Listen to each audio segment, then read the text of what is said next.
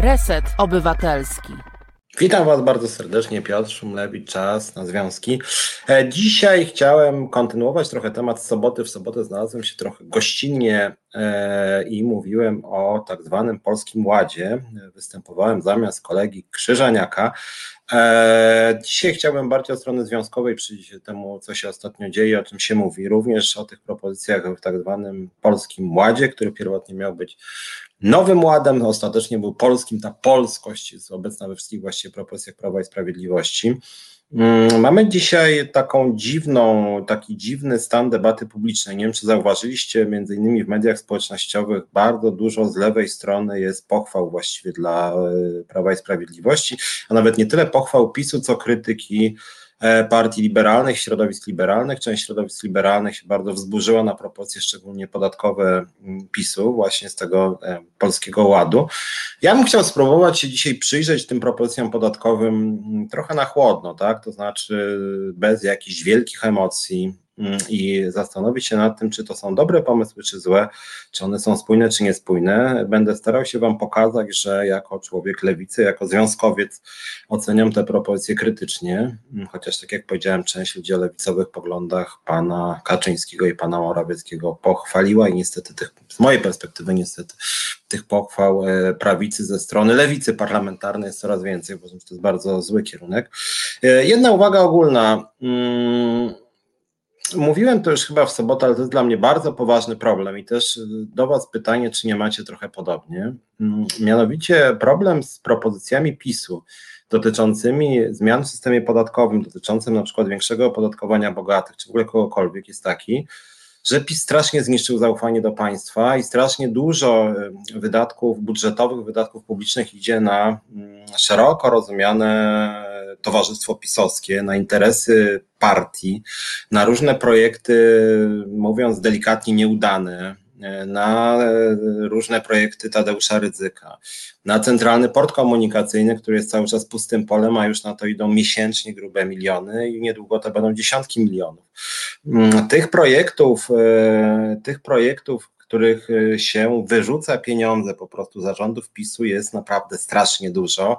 E, przyznam Wam szczerze, że jak kiedyś mi mówiono, no dlaczego właściwie płaci na to państwo, jak ono jest takie straszne, to czy to zarządów lewicy, czy, czy zarządów koalicji PO-PSL, ja zawsze mówię niezmiennie, słuchajcie, mm, oczywiście, że są nietrafione inwestycje, e, jakaś, jakaś część tych pieniędzy publicznych trafia do e, kolegów i koleżanek premiera, ministra, kogo tam jeszcze, ale ale suma summarum jednak zdecydowana większość pieniędzy idzie na projekty ważne i potrzebne, na przedszkola, szkoły, na drogi, na pensje dla różnych grup zawodowych, które są bardzo ważne i którym należy się szacunek.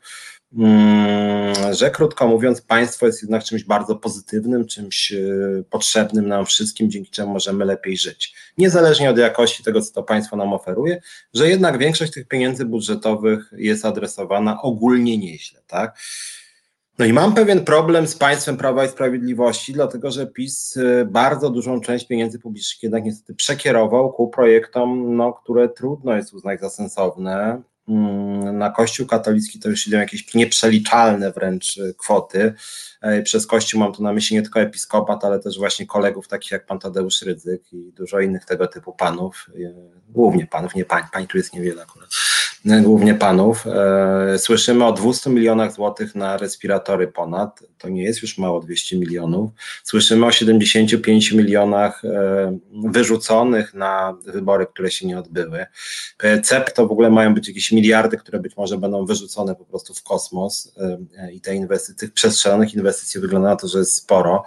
Nawet ostatnio niby zrobiono te szpitale tymczasowe tak zwane, które polowe, zanim zaczęły tak naprawdę w pełni funkcjonować, to już się je mm, zamyka z tego, co słyszę. One kosztowały strasznie dużo pieniędzy i osoby, których życie było zagrożone, de facto w ogóle do nich nie trafiały, przynajmniej jak chodzi o Stadion Narodowy. To był potwornie drogi szpital, który nie obsługiwał tych pacjentów i pacjentek, które wymagały rzeczywiście e, pomocy i tu jest problem. Mm, e, Zosia Lem pisze, że problem polega na tym, że pieniędzy nie marnuje się tam, gdzie działa wolny rynek.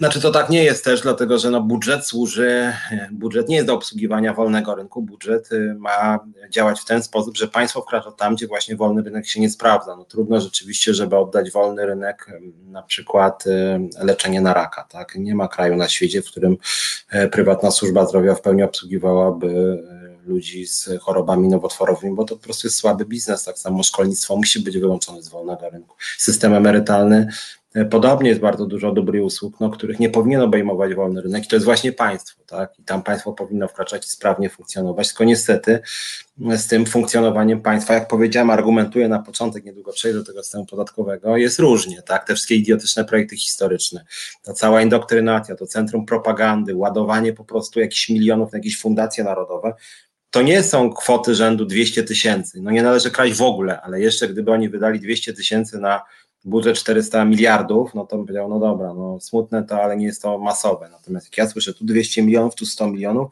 tu 300 milionów, tu miliard 200 i w końcu robi się z tego potężna kwota po prostu. No, te fundacje narodowe, te wszystkie centra propagandy, spółki Skarbu Państwa, które wydają no, grube miliony na propagandę. Teraz pan Obajtek przejmuje jeszcze przejmuje jeszcze Polska Press, e, więc to też w ogóle będziemy mieli właściwie państwowy koncern medialny, centrum propagandy w stylu TVP Info. Mm, wszystko to kosztuje bardzo duże pieniądze i jest problem w ogóle z tak zwaną legitymizacją podatków, tak, że rzeczywiście jest tak, że ludzie są wkurzeni i słusznie zwracają uwagę, że to państwo e, no, wyrzuca bardzo dużo pieniędzy, więc pierwszy punkt moim zdaniem i o tym opozycja powinna pamiętać również ta lewicowa, żeby zmienić system podatkowy i żeby on miał poparcie społeczne, warto pozbyć się Prawa i Sprawiedliwości, warto po prostu pozbawić ich władzy, niezależnie nawet od ich pomysłów, więc jak ja słyszę tego czy Gawkowskiego, który mówią, no w sumie dobre projekty PiSu będziemy popierać i tych dobrych jakoś ostatnio tak, no coraz częściej są te pochwały PiSu ze strony SLD czy Lewicy, Otóż ja się z tym nie zgadzam, to znaczy w ogóle dobre projekty warto popierać, ale jeżeli dobre projekty wdraża, wdraża zła władza, no to się może okazać, że dobre projekty przestają być dobrymi projektami, tak? Dlatego, że w momencie, kiedy na przykład system podatkowy staje się bardziej sprawiedliwy, ale pieniądze ściągnięte z tego systemu podatkowego idą na przykład dla pana Ryzyka i pana Obajtka, no to wtedy rodzi się bunt. I mi jest przykro, że rodzi się ten bunt, ale ja go rozumiem. No rzeczywiście, jeżeli, jeżeli władza miliardy już wydaje na jakieś e, lewe inwestycje, no to to jest kłopot, tak? No to nie można udawać, że tego nie ma. Dorota Hańska jako wyborca lewicy bardzo się do niej zawiodłam, nie mam już zamiaru więcej na nią głosować. No ja też jestem rozczarowany lewicą, o tym będziemy pewnie jeszcze sporo dzisiaj mówić. Yy, moim zdaniem jest potrzebne nowe otwarcie. Ja bym sugerował chyba nowych liderów, tak? Czarzasty dzisiaj widzę znowu jakieś wyzwiska wobec kolejnych osób, jakichś popaprańców, wyzywa ludzi, którzy go krytykują, popaprańców, marszałek Sejmu no sorry, ja rozumiem, że mamy media społecznościowe, że ta debata jest inna, że używa się skrótów myślowych, ale mm, chamskich sformułowań należy unikać, szczególnie w wypowiedziach publicznych. Te wypowiedzi wobec pani Morawskiej, Staneckiej, Czarzastego też były niefajne, a Czarzasty cały czas nie chce przeprosić, słowo przepraszam mu nie przechodzi przez usta. Nie podoba mi się to szczerze powiedziawszy, tym bardziej partia, która jakby nie było deklaruje, że wspiera prawa kobiet i w momencie, kiedy lider w ten sposób mówi do wicemarszałek Senatu, pani Morawskiej-Staneckiej. Ja wiem, że to jest kwestia, nazwijmy to, sformułowań, a nie ustaw. To może nie jest aż takie kluczowe, no ale jednak to jest pewien duch, tak? To jest pewien duch partii, przekazu. Jak później słuchałem posłanek lewicy, tam była Biejat i Kotula i pytanie, czy panie potępiają Czarnockiego? One, no, szkolenie jakieś zrobimy. No i takie kręcenie się, no naprawdę, no trochę konsekwencji jednak tutaj by się przydało. Poza tym no, Czarzasty, który ma w sondażach 2% y, jako lider opozycji chyba, no Lewica ma powiedzmy między 7 i 12, to jeżeli lider ma 2, a formacja ma 5 razy tyle, to może coś jest nie tak z liderem. Mm, Marek też, szpitale to narodowe. No, wszystko już staje się w tym kraju narodowe albo imienia Matki Boskiej jakiejś tam. Dziwi mnie to bardzo. I jedna nazwa i druga, dlatego że szpitale nie są narodowe, szpitale są od ratowania ludziom życia narodu polskiego, tylko każdego człowieka. To chodzi, nie chodzi o to, że ktoś jest Polakiem, tylko o to, że jest chory i cierpi. W ogóle to podkreślenie narodowości szpitali dziwne, a wiązanie szpitali z jakąś Matką Boską czy jakimś świętym to kompletnie bez sensu, no bo Kościół przez setki lat był przeciwko odkryciom medycyny, na przykład przeciwko części operacji, przeciwko znieczuleniu, więc w ogóle kojarzenie służby zdrowia z Kościołem jest dziwnym pomysłem. Eee, Piotr Gielniowski, dodam taki tekst wierszowany gorzki, a jakże prawdziwy. PiS obiecuje gawiedzi, kupujemy na ulicę nie wychodzimy i tego nie rządu z siebie nie zwrócimy, bo granice otwarte i tyle w temacie. No nie wiem, o społeczeństwie myślę, że też warto by o tym rozmawiać, bo tak Polacy są przyzwyczajeni również do Polski do tego, że my jesteśmy takim narodem dumnym, prawda, i wolnościowym, i nie bojącym się nikogo, i przepędzimy złego najeźdźcę zawsze i wszędzie. No nie, niekoniecznie, nie zawsze. Wydaje mi się, że ludzie się generalnie boją. Oczywiście mają też do tego prawo, ale ja wam muszę powiedzieć, jako związkowiec, lider związkowej alternatywy, czasem mam problem. Tu nie będę zdradzał, że tak powiem, niczyjego nazwiska ale ostatnio nawet staramy się działać w Polska The Times, gdzie jak wiemy pan Daniel Obajtek robi czystki, mm, swoich ludzi wstawia, pomimo że decyzja sądu jest taka, że on nie ma prawa podejmować tego typu decyzji. No i ci ludzie się boją działać. No. Znaczy ja rozumiem strach, ja wiem co to jest, jak przychodzi silna władza i mówi cicho siedź, bądź posłuszny, ale jak jesteśmy takim dumnym polskim narodem buntującym się, no to wypadałoby się trochę zbuntować, tak? No, ja też mogę powiedzieć w imieniu związku, że my zapraszamy do takiego buntu, my chętnie wesprzemy, y, się wspólnie pobuntujemy, ale tu musimy mieć wsparcie, tak? Więc czasem mam takie wrażenie, że dużo się mówi o tej zbuntowanej polskiej duszy, a ta polska dusza wcale taka zbuntowana nie jest i gdyby naprawdę ludzie, którzy krytykują PiS byli odważni, zdeterminowani, to moim zdaniem przegnalibyśmy ten PiS. Mówię to jako lider związkowy, też jako obywatel, więc też zachęcam do tego, żeby być bardziej e, odważnym. E, Marek, te szpitale samorządowe chyba wedle myślenia pisowców są odnarodowione. No jest taka dążenie do centralizacji. Tutaj w kontekście tego, co było powiedziane w Polskim Ładzie, mm, nie wiem, czy zwróciliście na to uwagę, jest bardzo dużo niebezpieczeństwa. Ja dlatego jestem też sceptyczny wobec tych propozycji podatkowych, do których e, wkrótce przejdziemy. Na propozycjach podatkowych rządu samorządy mają stracić ponad 10 miliardów złotych PiS mówi coś o jakiejś tam dotacji zwracającej, że tak powiem, te pieniądze. Natomiast ja się boję, że tak będzie wyglądać. Mówię to jako mieszkaniec Warszawy, e, gdzie jak wiemy, e, prezydentami są ludzie, których władza nie lubi. Tutaj moim zdaniem PiS długo jeszcze nie wygra. Mamy teraz Trzaskowskiego, była Gronkiewicz-Walc. E, no i o co chodzi w tych działaniach PiSu? Obetnie się na samorząd, nie wiem, 12-15 miliardów złotych. Przez to Warszawa stanie się znacznie biedniejsza, bo obcięcie PIT-u zwiększenie kwoty wolnej bezpośrednio potężnie uderzy w samorządy. No niestety taka prawda jest, dlatego że e, pieniądze na samorządy są częścią podatku PIT właśnie.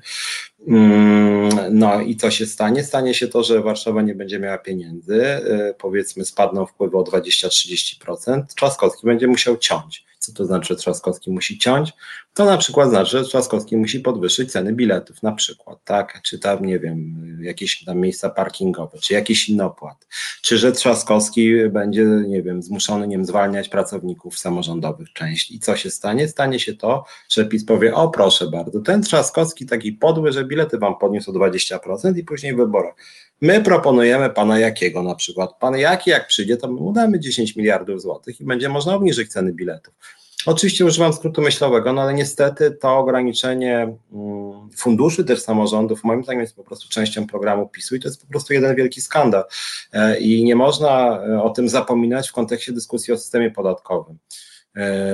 I w tym wypadku to właściwie trudno, czy, czy tracą bogaci, czy biedni. W konsekwencji mogą stracić biedni, dlatego że jeżeli w Warszawie będą cięcia budżetu o 20%, ważnym wpływem miasta jest, tak jak powiedziałem, wpływy z biletów, no to jeżeli wzrosną ceny biletów, to kto jeździ komunikacją publiczną? Raczej osoby e, uboższe niż te bogate. Te bogate jeżdżą samochodami.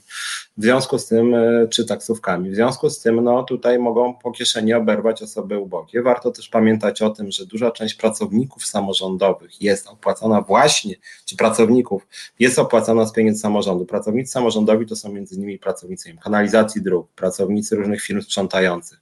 To są pracownicy socjalni, co bardzo ważne, tak nisko opłacani pracownicy sfery samorządowej i uderzając w samorządy PiS potężnie uderza w prawa tych pracowników, naraża po prostu ich na zwolnienie i na obniżki pensji. W związku z tym, jak ktoś mówi, że fajny system podatkowy PiS nam zrobił, to konsekwencja może być taka, i ja to mówię akurat jako związkowiec, że na tym na przykład mogą stracić tysiące pracowników samorządów, którzy już dzisiaj należą do najgorzej podkreślam, najgorzej opłacanych w Polsce pracowników. Ich wynagrodzenia często oscylują wokół płacy minimalnej, więc o tym też wydaje mi się ten aspekt y, warto pamiętać. Anna Gryta pisze, że wolny rynek, mitologia liberalizmu.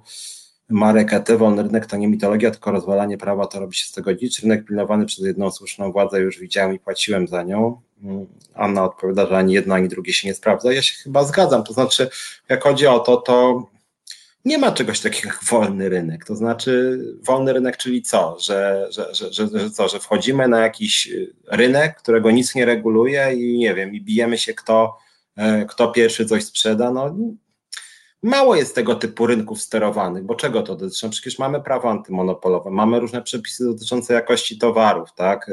Część rynku to w ogóle są inwestycje publiczne na 150 miliardów ponad złotych rocznie, to są inwestycje publiczne, czyli opłacane w jakiejś mierze e, przez państwo, państwo jest przynajmniej pośrednikiem, nawet jak zleca firmom prywatnym, no to ingeruje w tak zwany wolny rynek, tak? Trzeba spełnić różne kryteria jakościowe, też tu nie ma rynku cały rynek rolny de facto dla odmiany, duża część to są dopłaty z Unii Europejskiej. Jak nie ma z Unii Europejskiej, też ingeruje niekiedy polska władza, na przykład, nie wiem, jak jest jakiś kryzys. Więc w gruncie rzeczy, niezależnie od oceny tego tak zwanego wolnego rynku, to jest w gruncie rzeczy fikcja. No nie ma czegoś takiego właśnie jak ryn wolny rynek. Żyjemy w bardzo złożonym, rozwiniętym świecie, a pojęcie wolnego rynku jest bardzo proste, tak? Że tutaj przychodzi jeden z dzisiek z kilogramem ziemniaków, a po drugiej stronie ulicy drugi z dzisiek też sprzedaje kilogram ziemniaków, jeden daje 3,20, drugi 3,10, tak, ale jeden ma, nie wiem, trochę lepsze te ziemniaki i wygrywa ten, który tak to rozegra, że prawda, będzie odpowiednia proporcja ceny ceny do jakości i jeszcze będzie jakaś stopa zysku odpowiednia. No to tak nie działa, to znaczy gdyby to tak działało, to by kapitalizm się posypał bardzo szybko, tak, bo by wszystko równało w dół, malejąca stopa zysku, to już Karol Marx jaki opisywał, więc wydaje mi się, że, że, że, że tutaj wolny rynek jest jakby niewiele tłumaczy tak naprawdę problemów związanych y, z opieką zdrowotną, ze szkolnictwem, z jakością dróg. No wszędzie tu są wysokie kryteria jakościowe i nawet jeżeli y, są kraje, w których na przykład system emerytalny czy opieka zdrowotna są realizowane, realizowane przez firmy komercyjne, ale praktycznie wszędzie jednak państwo nakłada bardzo surowe warunki. Tak? No, trudno jakby wprowadzać jakąś wolną Amerykankę do opieki zdrowotnej, tak, że wiem, lekarz robi dokładnie to, co chce. No, nie ma takiego kraju e, na świecie. Szaman 305 Zanutberga zawsze szanowałem, teraz jakoś nie mogę na niego patrzeć, tylko gdzie tu iść, ile można zamykać e, oczy i mówić sobie, nie ma wroga na lewicy. Znaczy ja, znaczy ja jakby ja dawno temu już miałem e, przyjemność, czy brak przyjemności współpracować jakoś z Anbergiem. Wydaje mi się, że on z dawnych lat, i to w ogóle dotyczy części lewicy, oni się przyzwyczaili, że głównym wrogiem jest Leszek Balcerowicz. Mm.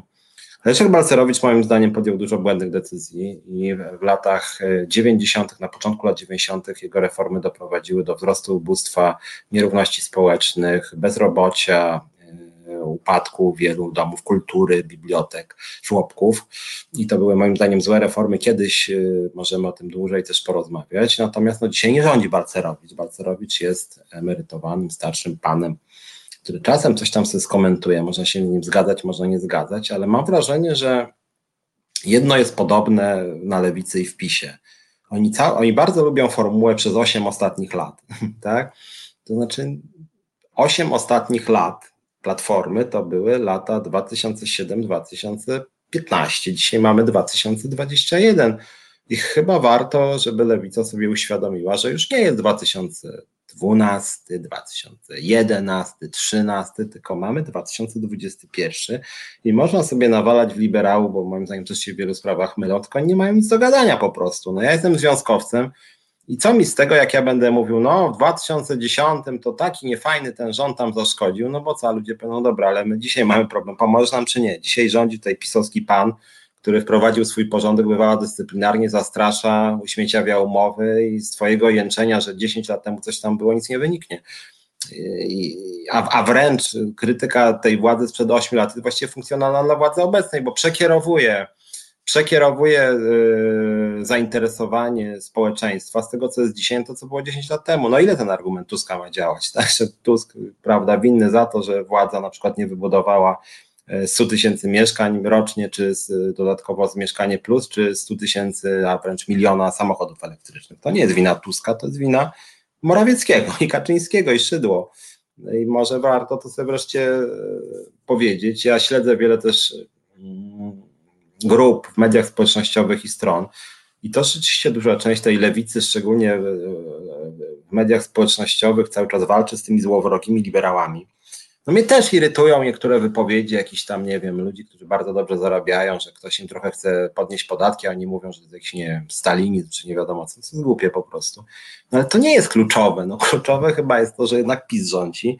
PiS prowadza wiele strasznych rozwiązań. PiS prześladuje wiele grup społecznych, PiS krzywdzi, PiS doprowadza wręcz do śmierci część ludzi swoimi na przykład nagonkami na LGBT, że jakby część ludzi chce się wręcz zabić, że ludzie się boją o swoje zdrowie i życie, że zastrasza działalność e, działaczy opozycyjnych, że wyrzuca z pracy niewygodnych związkowców, że e, właściwie chce skasować jakąkolwiek niezależną kulturę. No, tu mamy problemy. To, co się dzieje w spółkach Skarbu Państwa, to, co się dzieje w kulturze, w sztuce, w mediach, to jest po prostu jeden wielki skandal, tak? I jakby przy tym jednym wielkim skandale mówi, że tam, nie wiem, Balcerowicz coś tam głupiego powiedział, no to sorry, no to jest jakaś, jakieś omijanie kluczowego tematu i bycie trochę takim dyspozycyjnym, nie chcę retoryki czarzastego używać, mówić dyspozycyjnym idiotą, no ale jest się dyspozycyjny wobec partii rządzącej po prostu, no i tyle, no.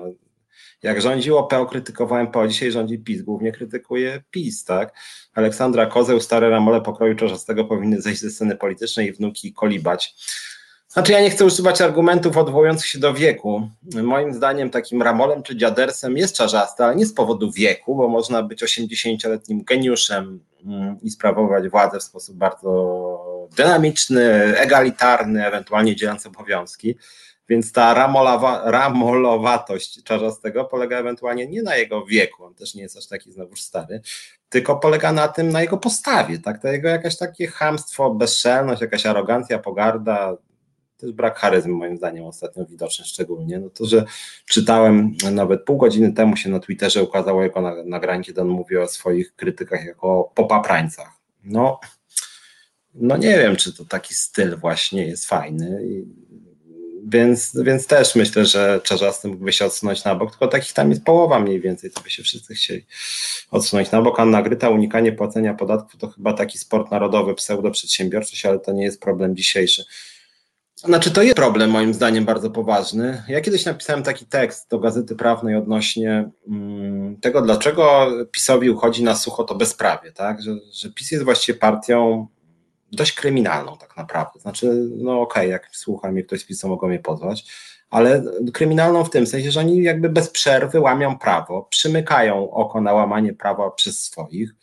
Mm, te wszystkie respiratory, wybory, które się nie odbyły, mnóstwo różnego rodzaju przekrętów na dole, marnotrawianie środków publicznych, e, wykorzystywanie spółek Skarbu Państwa do właściwie, no to są takie stały się właściwie folwarki pisowskie.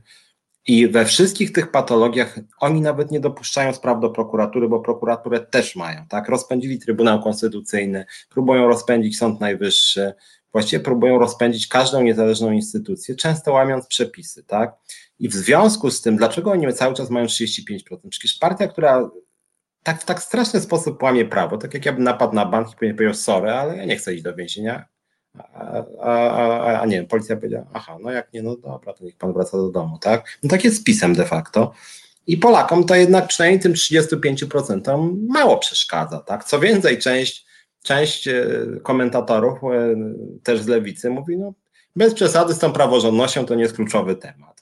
No jeżeli nie jest kluczowy temat, no to mamy też to, co Mamy e, i co chciałem powiedzieć, to, że na przykład jak się przyjrzy, co się dzieje na przykład na drogach, tak, że Polacy bardzo często przekraczają prędkość, jeszcze informują się na ten temat, że uważaj tam Heniu, kontrola jest 4 y, km stąd, więc na chwilę zwolni ze 160 do 90, a później znowu będziesz sobie jechał 160, tak? To samo z podatkami, tak? Skoro taki Mencen i spółka z Konfederacji mówią wprost, no to miejmy przepisy podatkowe, kombinujmy, jakby tu nie płacić, wszyscy wow, ale fajni goście, tak? Szczególnie ci młodzi mówią, że ta Konfederacja to ma jaja, tak? Że państwo może oszukać.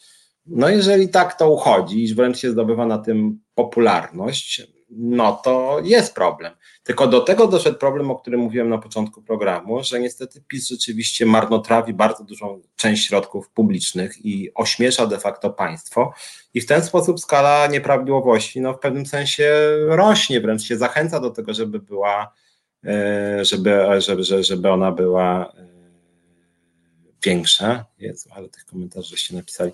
E, e, czas wracać do jaskiń. Nie do jaskiń, chyba niekoniecznie.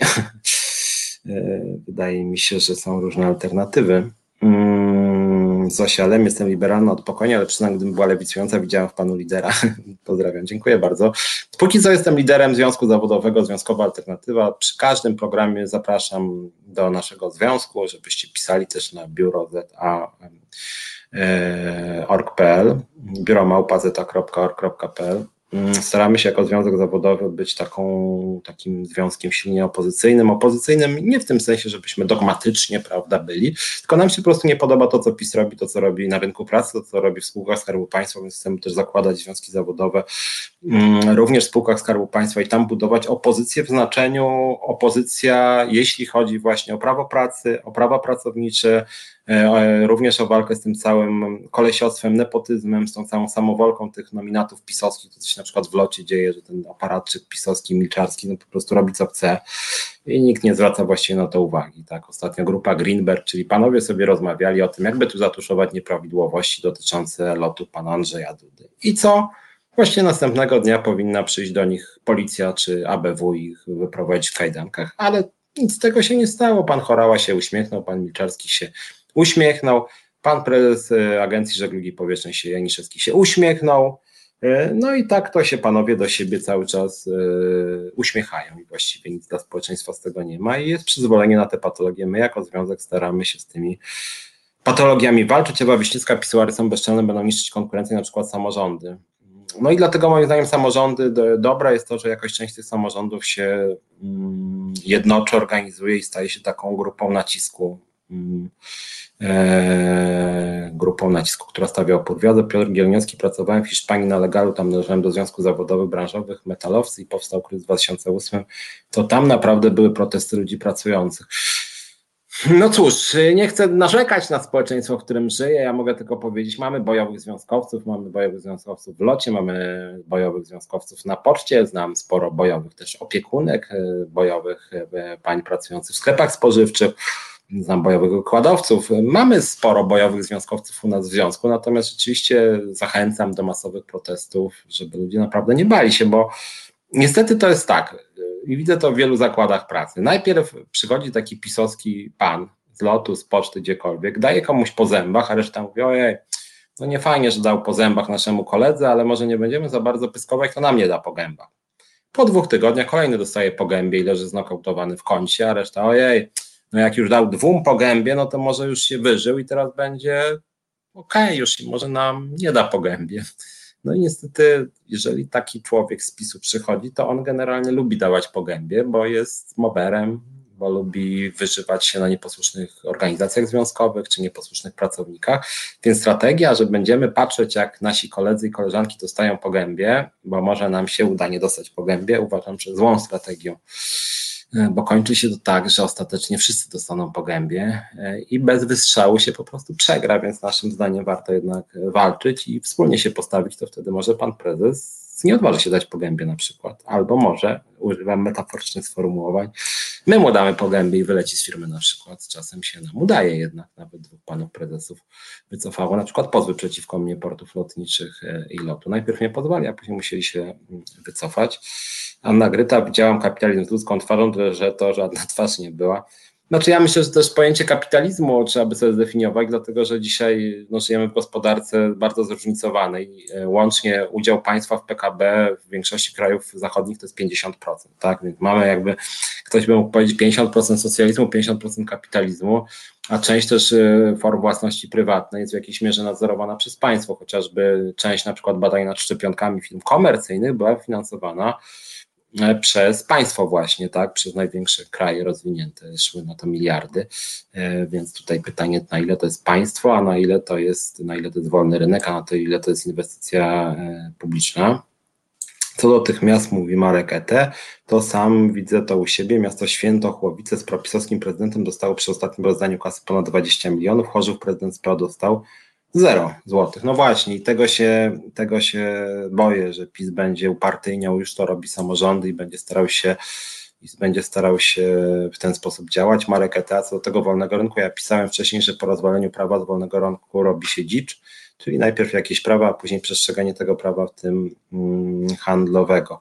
Jeszcze Zosia Lem, wolny rynek w Singapurze sprawdza się świetnie i ludziom żyje się dobrze. Znaczy, jak chodzi o te obydwa głosy, y, z tym wolnym rynkiem Kiedyś się korwiniści ze mnie śmiali, jak powiedziałem, że żeby istniał wolny rynek, to muszą istnieć surowe regulacje. Ale tak właśnie jest. To znaczy, jeżeli ktoś by chciał żyć w Singapurze, czy bronić tego modelu, no to bym radził naprawdę dobrze się przyjrzeć i szczerze powiedziawszy, myślę, że 90% za Singapurze by się dobrze nie żyło. W polskim znaczeniu to jest kraj zamordystyczny, bardzo wysokie kary za drobne złamanie przepisów, lata więzienia nawet. W związku z tym, jeżeli tam ktoś powiedział, no to sobie nie zapłacimy tam podatku 200 zł, to następnego tygodnia można iść na przykład na 3 lata do więzienia. Mm, to jest bardzo surowo e, regulowany wolny rynek w tym sensie. Są bardzo wysokie kary, bardzo surowy nadzór, e, bardzo surowy nacisk na przestrzeganie bardzo surowych przepisów. E, nie jest też tak, że tam wszystko jest prywatne, a nawet jeżeli większość jest prywatna, to na przykład jak chodzi o opiekę zdrowotną, państwo bardzo surowo ocenia i oczekuje od firm prywatnych, żeby realizowało oczekiwania państwa. Dlatego powiedziałem, że Trudno mówić tutaj jednoznacznie, czy gospodarka w tym wypadku prywatna, czy państwowa, jeżeli państwo y, wprowadza bardzo ostre ramy dla funkcjonowania rynków prywatnych. To jest Singapur. Tak na marginesie w Singapurze nierówności są straszne.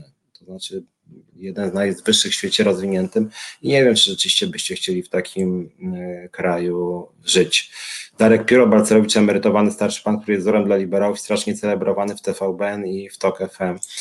No pewnie tak, tak. No, nie miałbym nic przeciwko temu, żeby więcej w TVN nie było ludzi o moich poglądach niż o poglądach Balcerowicza i żeby twarze opozycji to były ludzie o poglądach bardziej na lewo niż Balcerowicz, ale niezależnie od tego, jak często Balcerowicz jest w TVN czy TOK FM, a nie jest moim zdaniem aż tak często mimo wszystko, no to nie rządzi Balcerowicz, tak? On nie ma wiele do gadania, jak chodzi o mm, gospodarkę i zwróćcie uwagę, że Balcerowicz dzisiaj akurat w tym to mówi, to bardzo często ma rację. W tym sensie, że Balcerowicz na przykład bardzo często mówi o bezprawiu pisowskiej władzy, łamaniu procedur, upartyjnianiu kolejnych branż i tu ma rację. Natomiast w momencie, kiedy Balcerowicz tam mówi o tym, o podniosą podatek o 2%, to mamy komunizm, no okej, okay, to się nie zgadzamy, natomiast naprawdę, no wydaje mi się, że dzisiaj porównywanie Balcerowicza, nie wiem, Ziobry, no to przy całym krytycyzmie wobec Balcerowicza niezależnie nawet od jego poglądów, Ziobro jest tysiąc razy groźniejszy, bo Ziobro może na nas napuścić i czasem napuszcza prokuraturę, służby,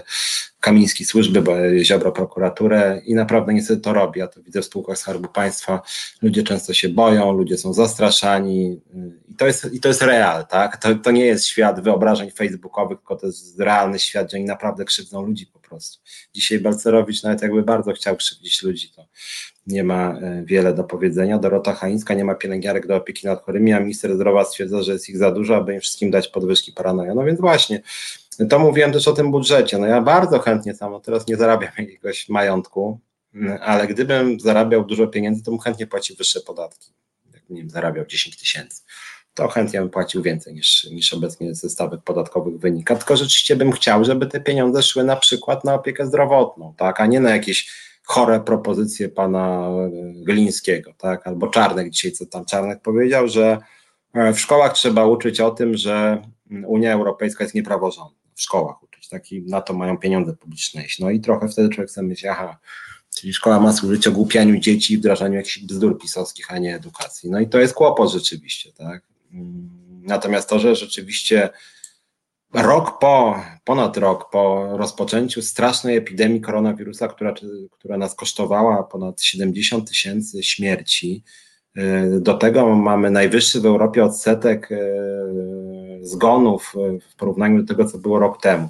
I mimo to władza nie dofinansowuje szybko już służby zdrowia, no to trochę ręce opadają, szczerze powiedziawszy, rzeczywiście.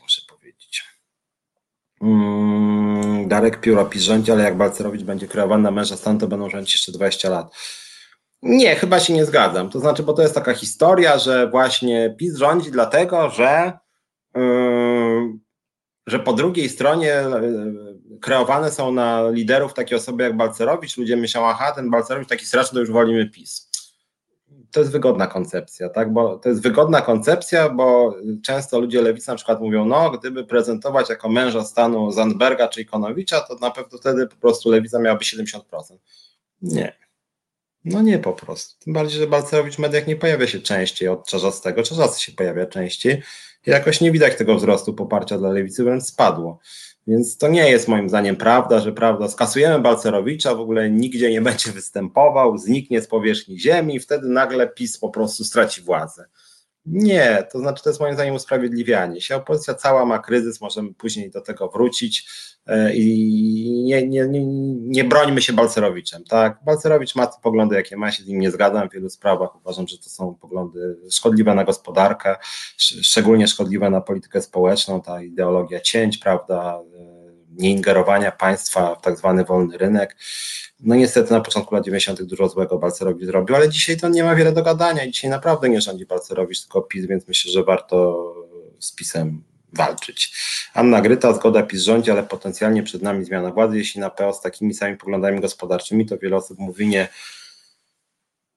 Też nie jestem pewien. Mam wrażenie, że tak nie wygląda. Dzisiaj główną emocją jest emocja yy, propis albo antypis i, i ten, kto zbuduje siebie, przedstawi siebie jako wiarygodną opozycję, ten e, może wygrać. E, Platforma spadła ostatnio, znaczy zmniejszyło się nie, nieznacznie poparcie, czy, czy nawet no nie, nie, bardzo, ale dosyć. Nie dlatego, że oni tam, nie wiem, pokazali gdzieś Balcerowicza. Zresztą z Balcerowiczem Platforma się jakoś chyba nie brata teraz tak bardzo, ale że powiedzieli coś liberalnego gospodarczo, tylko, że mają niewyraźny przekaz, że się tłuką między sobą, że ktoś tam wyleciał z partii. Polacy nie lubią kłócących się partii. No bo z drugiej strony, nie wiem, Hołowni przybyła, Hołownia właściwie nic nie zrobił. więc, więc, więc o, tym, o tym też e, warto pamiętać. E, macie pretensje do polityków, a, a, to wyborcy decydują. No wyborcy decydują, ale też no, są tak zwane elity polityczne, w sensie duże partie, które mają swoich liderów i my jako obywatele mamy prawo tych E, liderów e, oceniać. Dobra, słuchajcie, tylko wrócę może do tych e, spraw, o których mieliśmy porozmawiać. Chciałem o kilku też sprawach pobocznych powiedzieć, ale jak już mówimy o tych propozycjach rządu, no to miałem powiedzieć o podatkach, więc powiem też dwa zdania o podatkach. Zaraz wrócę do tego, co piszecie, tylko może jakiś wątek narzucę nowy. Generalnie rzecz biorąc, dla mnie jako związkowca bardzo ważne to jest i to adresuję ten przykład do całej lewicy, która nas ogląda. Nie kumam, jak możecie popierać ten program Polski Ład, jeżeli lewica w Polsce ma być pracownicza, no to powinna popierać plany pracownicze. Tymczasem czytałem ten polski ład Prawa i Sprawiedliwości, y, Solidarnej Polskiej Porozumienia. Otóż o prawach pracowniczych tam dokładnie nie ma nic. Dokładnie nie ma nic. Duży program partyjny na najbliższe lata, w którym nie ma nic dokładnie o prawach pracowniczych, no uważam, że jest po prostu słaby. W y, Polskim Ładzie można przeczytać, jest w internecie, rzeczywiście czytałem. Nie ma nic o polityce płacowej, żadnych podwyżek dla pracowników sfery budżetowej czy samorządowej, nie ma nic o płacy minimalnej, ani płacy minimalnej godzinowej, nie ma nic o bezpieczeństwie i higienie pracy, nie ma nic o mobbingu, nie ma nic o nadgodzinach, nie ma nic o terminowej wypłacie pensji, chociaż jest gigantycznym problemem to, że pensje nie są w Polsce wypłacane na czas. Nie ma nic o związkach zawodowych. Jako związkowiec szukałem, nie ma ani razu pojęcia związku zawodowego. Ani razu. Nic nie ma o związkach zawodowych. Związek w ogóle, związki w ogóle nie są partnerem dla PiSu. Co ciekawe, nawet coś Solidarności nic nie było, chociaż Solidarność jest przystawką PiSu. Nic. Zupełnie jako związkowiec muszę powiedzieć, władza w ogóle się nami nie interesuje, nie widzi dla nas miejsca w swoim porządku, e, nie widzi żadnego sensu jakichkolwiek form partycypacji pracowniczej. W polskim ładzie nie ma o tym dokładnie ani jednego słowa.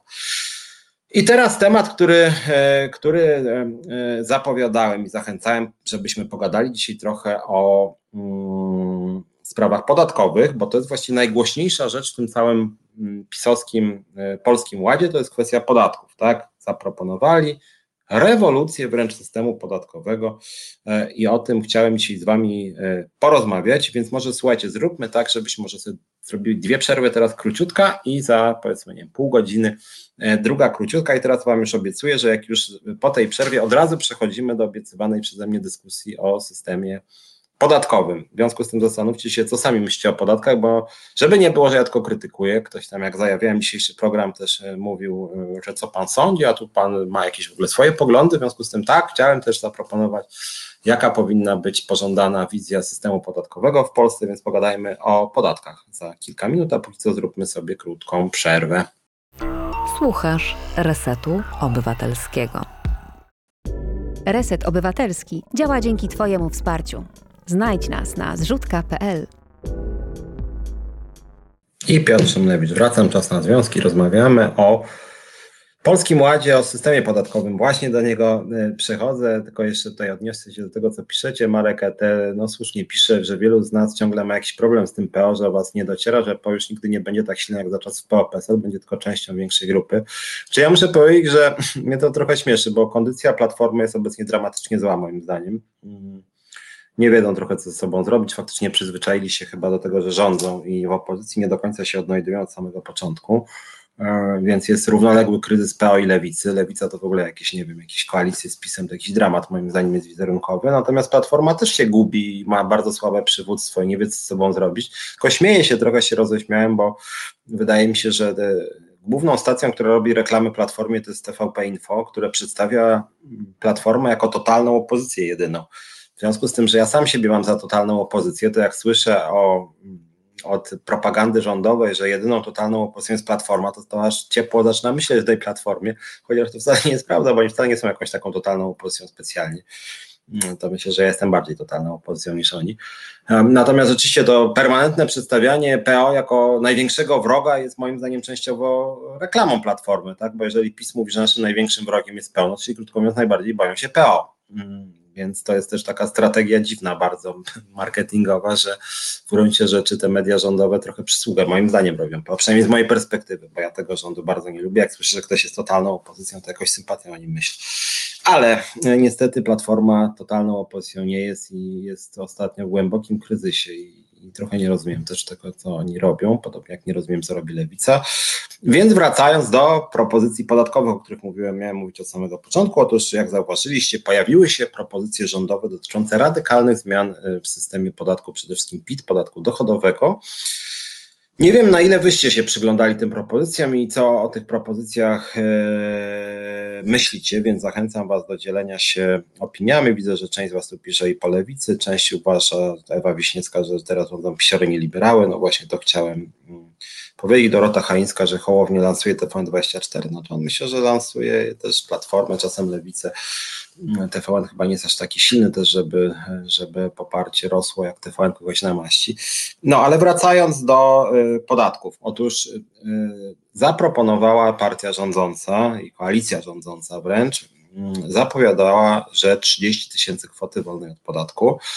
30 kwoty wolnej od podatku, 30 tysięcy jest bardzo dużo, bo obecnie mamy dla 99,5% podatków kwotę wolną 3 tysiące z małym kawałeczkiem kwoty wolnej. Jeżeli ktoś z Was by nie wiedział, cały czas mamy 3000 zł z kawałkiem od lat właściwie kwoty wolnej. Wyższa jest tylko dla osób po minimalnym dochodzie, dużo poniżej płacy minimalnej, więc generalnie prawie wszyscy e, etatowo zatrudnieni płacimy kwoty wolnej, mamy 3000 z kawałeczkiem. Od Dalej e, do kwoty 85 tysięcy, od 3 do 85 tysięcy jest 17% i ponad 85 jest 32%.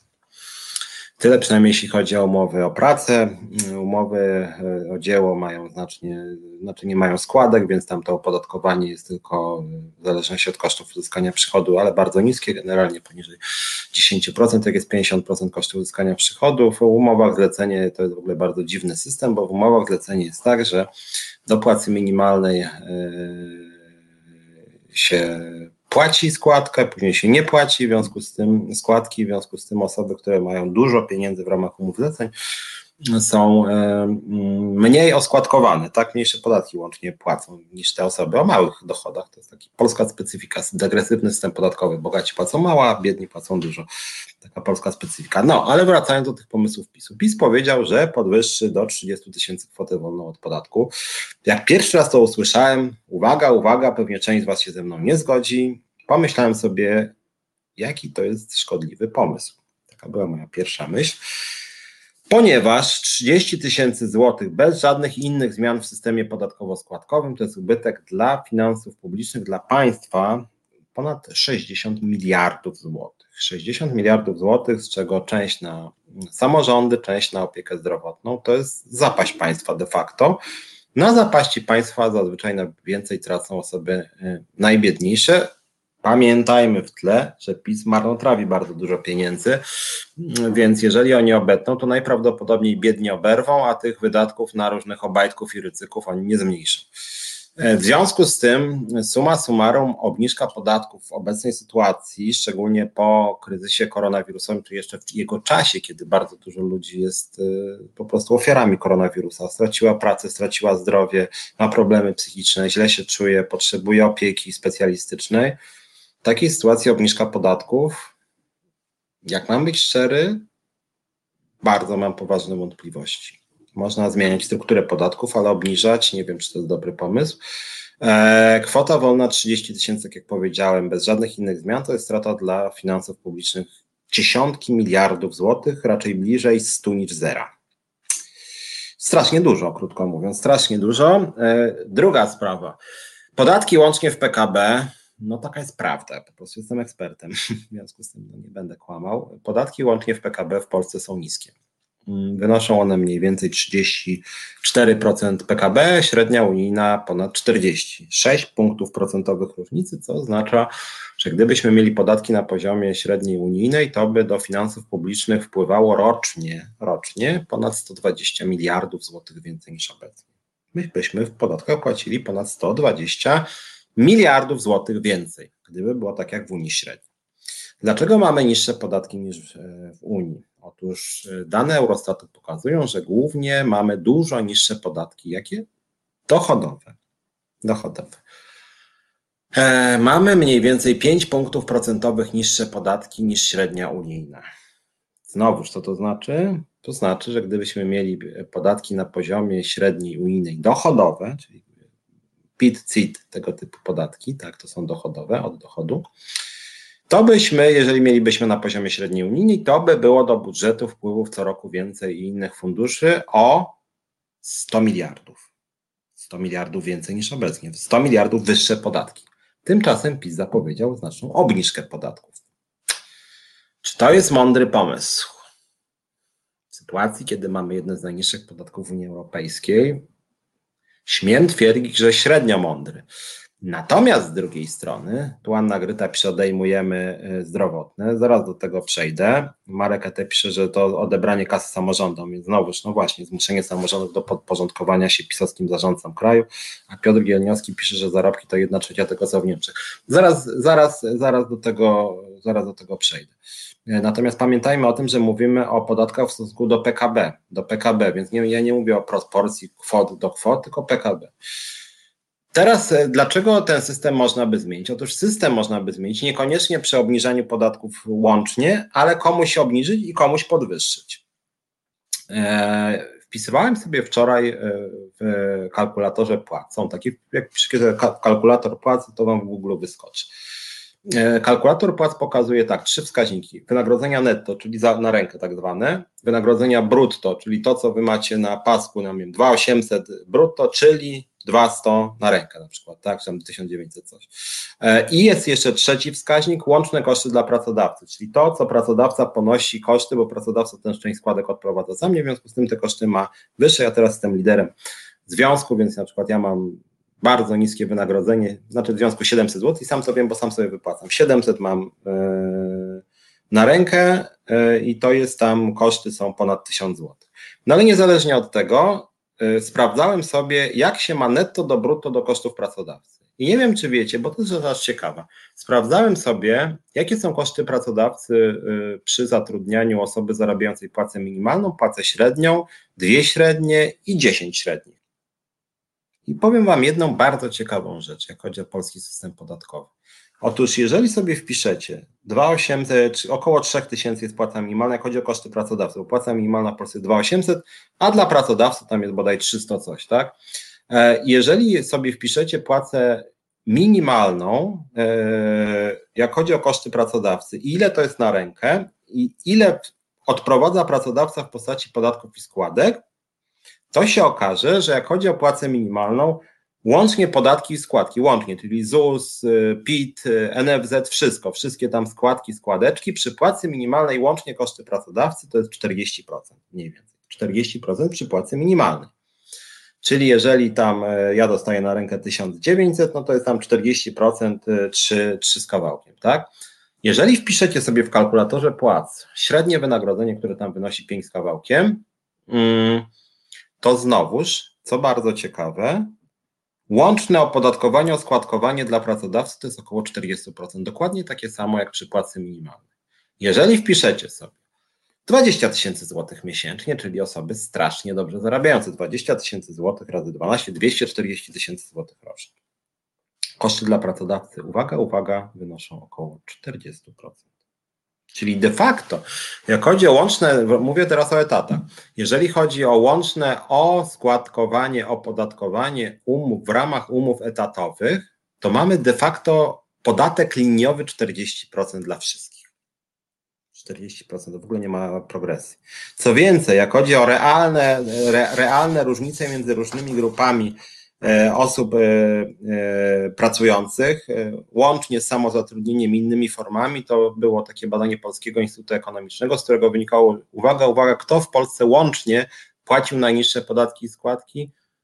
Osoby zarabiające ponad 500 tysięcy złotych rocznie, czyli osoby o najwyższych dochodach płaciły łącznie najniższe podatki i składki. Między innymi dlatego, że w ramach samozatrudnienia można płacić podatek liniowy 19%, a średnio osoby, które rozliczają się w ramach tego samozatrudnienia na podatku liniowym, średnio zarabiają ponad 22 tysiące złotych miesięcznie. Ponad 240 tysięcy złotych rocznie. I te osoby płacą podatek liniowy 19%. W związku z tym polski system jest głęboko nieprogresywny. Mamy rzeczywiście system mało sprawiedliwy. Tutaj e, Anna Gryta pisała o zdrowotnym. No właśnie, bo o tym nie powiedziałem. Jak chodzi o te propozycje rządu, wszyscy powiedzieli: Wow, obniżają nam podatki 30 tysięcy kwota wolna. Otóż nie do końca jest to prawda, bo nawet w modelu pisowskim kwota wolna będzie wynosić 0,0, dlatego że mm, dotychczas też wynosiła de facto 0,0, E, bo była na przykład składka zdrowotna wyodrębniona 1,25, a teraz oni wyjmują całą składkę zdrowotną, czyli 9. Wcześniej było tak, że 7,75 to była część podatku PIT. W związku z tym, jeżeli coś było zwolnione z PIT-u, no to również składka była zwolniona. Oni teraz jakby wyciągnęli składkę zdrowotną z PIT-u i cały dochód bez kwoty wolnej będzie opodatkowany 9%. Tak? Czyli jeżeli na przykład zarabiam, nie wiem, 3000 zł miesięcznie, to te 3000 zł miesięcznie będzie 9% składki zdrowotnej, więc jakby to, co wcześniej było częścią podatku, teraz jest nazywane składką. Więc realnie no to jest trochę fikcja, że mówienie, że 30 tysięcy kwota wolna, bo ona nie będzie wolna, będzie 9% zostanie tego podatku, ale suma summarum troszkę te podatki dochodowe dla osób o niskich dochodach y, spadną. Ciekawe jest to, że PiS uznał, że w Polsce bardzo Pokrzywdzone podatkowo są osoby, które zarabiają od 85 do 120 tysięcy złotych miesięcznie. To na mnie zrobiło pewne wrażenie, że PiS uznał, że to jest jakaś biedna grupa, bo mm, i że tutaj trzeba obniżyć im nieco podatki, żeby jakby podwyższyć ten próg wchodzenia w stawkę 32%, w związku z tym ma być, mają do 120 płacić 18. No ja muszę przyznać, że zdarzało mi się w życiu zarabiać na rękę 7 tysięcy, czyli ponad 10 brutto uważam, że to jest kupa kasy, szczerze powiedziawszy. Więc to, że, że tu się obniżyło podatki, no to też pokazuje, że ta progresja tak bardzo znowuż nie mm, wzrośnie. Warto też pamiętać, że PiS zostawia i wcale nie rusza tego i Gowin się na to nie zgodził. Podstawę niesprawiedliwości polskiego systemu podatkowego, jakim jest, uwaga, uwaga, nie wiem czy wiecie, jest coś takiego jak trzydziestokrotność średniego wynagrodzenia, mianowicie po przekroczeniu trzydziestokrotności średniego wynagrodzenia w Polsce przestaje się płacić składki emerytalne, czyli jeżeli 30 razy tam, nie wiem, 5 z kawałkiem, czyli jeżeli y, zarabiam ponad 160 tysięcy złotych y, y, rocznie, to przestaje płacić składki, czyli przysłowiowy obajtek zarabiający, nie wiem, 150 tysięcy złotych miesięcznie, powiedzmy, w lutym przestaje płacić składki. Po prostu. Ja płacę, wy płacicie, a obajtek nie płaci. No i pod tym względem ten polski system nie jest sprawiedliwy i PiS akurat z tym aspektem dokładnie nic nie robi. Nadal Obajtek będzie płacił składki wyłącznie za styczeń. W lutym już nie, bo nie, bo 30-krotność. E, I to akurat jest element, którego PiS nie rusza. Dlaczego o tym wszystkim w ogóle mówię? Bo powiedziałem Wam, że chciałem dzisiaj powiedzieć dwa zdania o tym, jak system podatkowy powinien moim zdaniem wyglądać, jak byłoby sprawiedliwie. Mówiłem, już pierwsza recepta odsyłałem PiS od władzy, żeby odzyskać zaufanie do państwa i żeby te pieniądze nie szły na jakieś idiotyczne projekty pana Bilińskiego czy Kaczyńskiego, czy jakieś respiratory lewe, czy jakieś wybory, które się nie odbywają, no to już się zgodziliśmy, odsyłałem PiS od władzy. Jak już odsyłałem PiS od władzy, myślimy, co zrobić, żeby odbudować zaufanie do państwa i na przykład przekierować dużą część środków, również unijnych skądinąd z podatków, na opiekę zdrowotną, na opiekę senioralną, na e, opiekę żłobkową, na posiłki w szkołach i rzeczywiście tego typu przesunięcie, no byłaby przynajmniej szansa, że Polacy nieco e, odbudują swoje zaufanie do państwa. Obecnie ono jest katastrofalnie niskie. To było tutaj głównie w programie Przemysław Sadura mówił o tym, że jest strasznie niskie zaufanie do państwa i to PiS akurat niestety bardzo pogorszył. Ale w momencie, jak już ten PiS odsuniemy, spróbujemy odbudować zaufanie do państwa, to właśnie jakie powinny być wtedy w Polsce podatki? No i spróbuję teraz ja Wam zaproponować coś, że tak powiem, mm, swojego i chciałem się spytać, co o tym sądzicie. Otóż jeśli chodzi o system podatkowy, nie wiem czy pamiętacie, w 2015 bodaj roku, przed wyborami parlamentarnymi, był taki pan, który się nazywał Szczerek, był ministrem finansów rekomendowanym przez Platformę. Dużo rzeczy mówił szkodliwych, trochę rzeczy słusznych. No jak to członek rządu PO-PSL taki średni był. Ale na końcu Platforma rzuciła mimochodem propozycję, która moim zdaniem była kierunkowo dobra, po czym się z niej Platforma wycofała. I ten pomysł czasem wraca. Co mam na myśli? Chodzi mi tutaj o jednolity system, y, zintegrowany system płacenia podatków, gdzie składki wszystkie są częścią podatków. Co mam na myśli? Mam na myśli to, żeby stworzyć taki system podatkowy, w którym mm, ZUS NFZ, różnego rodzaju fundusze, składki, wszystko jest częścią mm, PIT-u. Czyli nie ma e, oddzielnego 9% e, na e, składki zdrowotne, nie ma żadnych oddzielnych składek emerytalnych. Wszystko jest częścią podatków dochodowych, całość, tak? I to byłby mój pomysł, i wtedy właśnie ten szereg, o którym wspomniałem, rzucił ni stąd, ni zowąd, by łączne realne opodatkowanie pracowników w zależności od dochodu wynosiło od 10 do 39,5%. E, nie wiem, jak on to sobie wyliczył, ale tak mu wyszło. To miała być kwota, która była jeszcze, tak powiem, brutto, brutto, tak? To znaczy nie ma wyodrębnionych składek, więc pracodawca nic nie płaci jakby sam z siebie poza tym, co jest y, w kwocie brutto. W związku z tym, y, w związku z tym y, Anna Gryta tylko od pensji, no tak, tak, od pensji, dokładnie, czyli na przykład jeżeli ja mam 10 tysięcy brutto albo 4 tysiące brutto, to się wylicza stawkę od tej kwoty brutto idzie na podatki, składki, służbę zdrowia, na wszystko. Ja przynajmniej tak rozumiem, jeżeli nas ogląda jakiś fan platformy, tam, tamtej platformy przynajmniej, czy przynajmniej zwolennik tego pomysłu, bo zdaje się, że Polskie e, Towarzystwo ekonomiczne też, też by były tego typu dyskusje. No ale niezależnie od tego, jeżeli ktoś nas słucha i wtedy też to popierał, to, to, to zachęcam do wypowiadania się. No i pan Szczerek y, zaproponował właśnie, że to byłoby od 10 do 39,5%, czyli jeżeli zarabiam na przykład 2800 zł y, płacę minimalną, to na przykład jako y, osoba o relatywnie niskich dochodach, na przykład, ja uważam, że te 10 to jest za mało, bo przypominam, dzisiaj jest 40 Dzisiaj jest 40 dla wszystkich właśnie, mówimy o kosztach pracodawcy. W związku z tym, na przykład, gdyby zrobić taki system, że najniższa stawka byłaby 20% od płacy minimalnej, od średniej płacy na przykład 30, od dwukrotności już 40, mówię z y, próg, tak, próg, nierealna kwota i później podwyższać, nie wiem, na przykład górna by wynosiła 60, żeby realne opodatkowanie było właśnie między na przykład, nie wiem, 20 i 45, to mielibyśmy realną progresję. Nie mielibyśmy tych wszystkich dziwnych, e, dziwnych e, sztuczek związanych z tym, że tu jest składka do kwoty takiej, tu jest jakieś zwolnienie.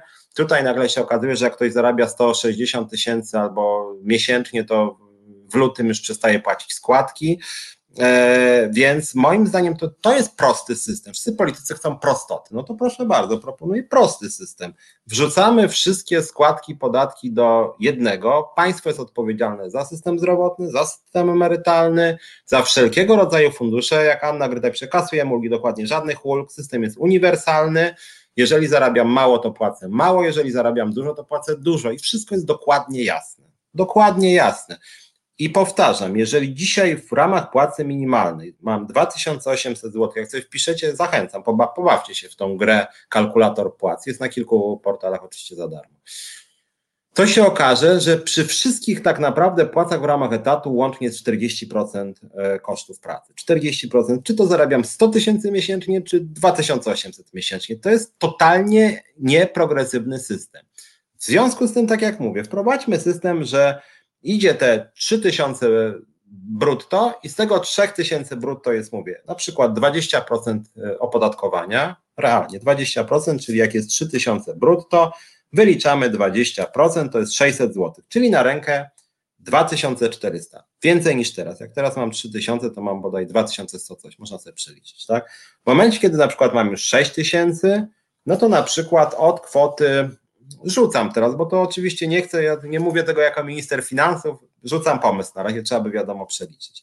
Ale na przykład od, od zarobków rzędu 5 tysięcy złotych miesięcznie, czyli 60 tysięcy rocznie, wprowadzamy drugi próg 40%. Tylko powtarzam, 40% od kwoty, tak? Dzisiaj 40% płaci się od dowolnej kwoty, czyli niezależnie od tego, ile się zarabia, to jest 40%. A tutaj mamy 20% na przykład do jakiejś kwoty, później 40% od kolejnej i najwyższy próg na przykład 60 od kwoty, nie wiem, 200 tysięcy rocznie, tak? I wtedy mamy realną progresję, zintegrowany system podatkowo-składkowy i nie ma żadnych przekrętów, kombinatorstw, odpisów, nie wiadomo czego, tak? I system naprawdę jest wtedy progresywny i wtedy naprawdę y, ludzie o niskich dochodach płacą mało, ludzie o wysokich dochodach płacą dużo i wszystko jest dokładnie, dokładnie jasne, system jest prosty, przejrzysty, transparentny, i oczywiście ten system wtedy podatkowy powinien dotyczyć dokładnie wszystkich rodzajów umów. Zresztą zaraz do tych umów e, przejdziemy. Piotr Gielniowski najlepszy numer zrobili dla emerytów. Kwota wolna od podatku 30 tysięcy, a emeryt dostający 2,5 ma zwolnienie od podatku. E, no tak, to znaczy to, to jest dokładnie to samo, bo im chodziło po prostu o dochód 2,5 tysiąca razy 12 to jest 30 tysięcy, więc e, w tym wypadku dokładnie o to samo chodzi. Ja w ogóle Wam muszę powiedzieć, że idea totalnego zwolnienia od podatku, jakichkolwiek danin państwowych, kwoty mm, tak dużej, uważam, że w ogóle szczerze powiedziawszy, zrozumcie mnie dobrze, nie jest dobrym pomysłem, dlatego że wszyscy jesteśmy obywatelami tego państwa, wszyscy chcemy jakoś tworzyć jakieś dobro wspólne. No ja bym chciał, żeby był inny rząd, który nie będzie dawał ryzykowi Glińskiemu i innym dziwnym osobom. E, jakimś lewym fundacjom, jakimś narodowo-katolickim propagandowym centrum. No jakbyśmy mieli tą fajniejszą władzę, e, no ja uważam, że każdy powinien płacić na opiekę zdrowotną, na e, system emerytalny, na drogi, na przedszkola, na wszystko. I ja uważam, że to jest dobry pomysł, żeby na każdy z nas jakiś podatek płacił. I dlatego idea, żeby na przykład, żeby na przykład było te 20%, co powiedziałem, od zera de facto, bez kwoty wolnej w tym wypadku, ale łącznie, łącznie byłoby 20%, dzisiaj powtarzam, jest 40%. To niby jest kwota wolna, mimo to jest 40%. E, I w tym pisowskim modelu to też wcale nie będzie zero, bo, bo, bo spora część zostanie tego podatku oskładkowania, składek w ogóle nie zmieniają. Um, uważam, że to jest dobry pomysł, żebyśmy wszyscy właśnie odpowiadali jakoś za to państwo. Darek Pióro się pyta, czy jak to było ze składką zdrowotną, że można było ją odpisywać od podatku to nie jest tak, że można ją było odpisywać od podatku. Dotychczas było tak, że 7,75% z 9 było częścią podatku PIT. Częścią podatku PIT i można powiedzieć, że ten odpis był odpisem państwa. Jeżeli by ktoś sobie otworzył sprawozdania Ministerstwa Finansów dotyczące podatków dochodowych, to tego na przykład swego czasu nie rozumiał niejaki Bosak, jak się ze mną kłócił, że z podatku PIT to idzie tylko 50 miliardów y, rocznie, a to są grosze, więc nieśmy podatki dochodowe. Ja mówię, panie Krzysztofie, nie, dlatego że nie jest wcale 40, on chyba wtedy mówił, nie jest 40 miliardów y, z podatku PIT, tylko jest obecnie już ponad 150 miliardów z podatku PIT. 150. Tylko z tych 150 jedna trzecia idzie do budżetu państwa, jedna trzecia idzie na opiekę zdrowotną, a jedna trzecia idzie na samorządy. Więc to nie jest tak, że jak, Zniesienie PIT-u to jest w ogóle totalna katastrofa, to jest totalny idiotyzm, trzeba być, przepraszam, nie chcę nikomu używać niegrzecznych sformułowań niekulturalnych, ale to jest po prostu głupie, trzeba być jakby ignorantem totalnym, żeby mówić o zniesieniu podatku PIT, bo to są strasznie wielkie pieniądze, mówię. Tylko jedna trzecia idzie do budżetu państwa, ale reszta samorządy i opieka zdrowotna, więc i PiS akurat w tej swojej zmianie bardzo mocno uderza e, w samorządy, w tą część samorządową, tak? E, więc o to tutaj chodzi. Więc jak chodzi o ten odpis, odnosząc się do tego, co Darek e, Pióro pisał, no to właśnie o to chodzi tutaj, że dotychczas składki były częścią podatku PIT w 85%, tylko 1,25 jakby był poza PIT-em. I PiS teraz jakby wyciągnął z podatku dochodowego tą składkę zdrowotną i postanowił właśnie opodatkować cały dochód. I okej, okay, tylko ja w ogóle uważam, że po prostu wszystko powinno być jednolitym stawem. Tak jest w Danii. Akurat tutaj ja nie jestem tutaj totalnie odkrywczy, bo podobne rozwiązania są w Danii. W Danii po prostu składki są częścią podatku, więc jakbyście sobie weszli na dane Europejskiego Urzędu Statystycznego, to tam jest tak, że Dania Podatki dochodowe w PKB tam 20, nie pamiętam chyba 7% i wszyscy, Jezu, 27% przy średniej unijnej 12, no to wszyscy wow. Ale później wyodrębnione składki ubezpieczenia społeczne, wszyscy mają średnio 12-13%, a Dania ma 0 tam przecinek 8. Bo po prostu system emerytalno-rentowy i składka zdrowotna jest częścią PIT-u. I to jest, y, I to jest moja też propozycja. Uważam, tylko to trzeba rzeczywiście dobrze przemyśleć. I tu jest też jedna rzecz bardzo ważna, i trzeba być odpowiedzialnym. I to jest kolejny ważny punkt. Jak ja miałbym reformować finanse publiczne, mianowicie trzeba odejść od systemu kapitałowego w systemie emerytalnym i powrócić do systemu opartego na solidarności pokoleń. Tak, tak byłoby przynajmniej w tym systemie wygodniej. Tak, to znaczy ZUS stałby się de facto wyodrębnioną częścią budżetu, nawet nie wiem, nawet po prostu częścią budżetu, który nazywałby się ZUS. I emeryci by dostawali z niego pieniądze. Dzisiaj tak nie jest oczywiście, bo są te indywidualne konta, tak i wtedy rzeczywiście trudno, żeby składki były częścią e, podatków, skoro każdy z nas ma swoje własne konto, tak? Natomiast przez lata w Polsce było tak, i tak jest we wszystkich prawie krajach zachodnich, wbrew pozorom, we wszystkich. To nie żaden, żadna komuna, tylko to są zachodnie systemy emerytalno-rentowe. Generalnie rzecz biorąc, my płacimy na naszych e, rodziców i dziadków.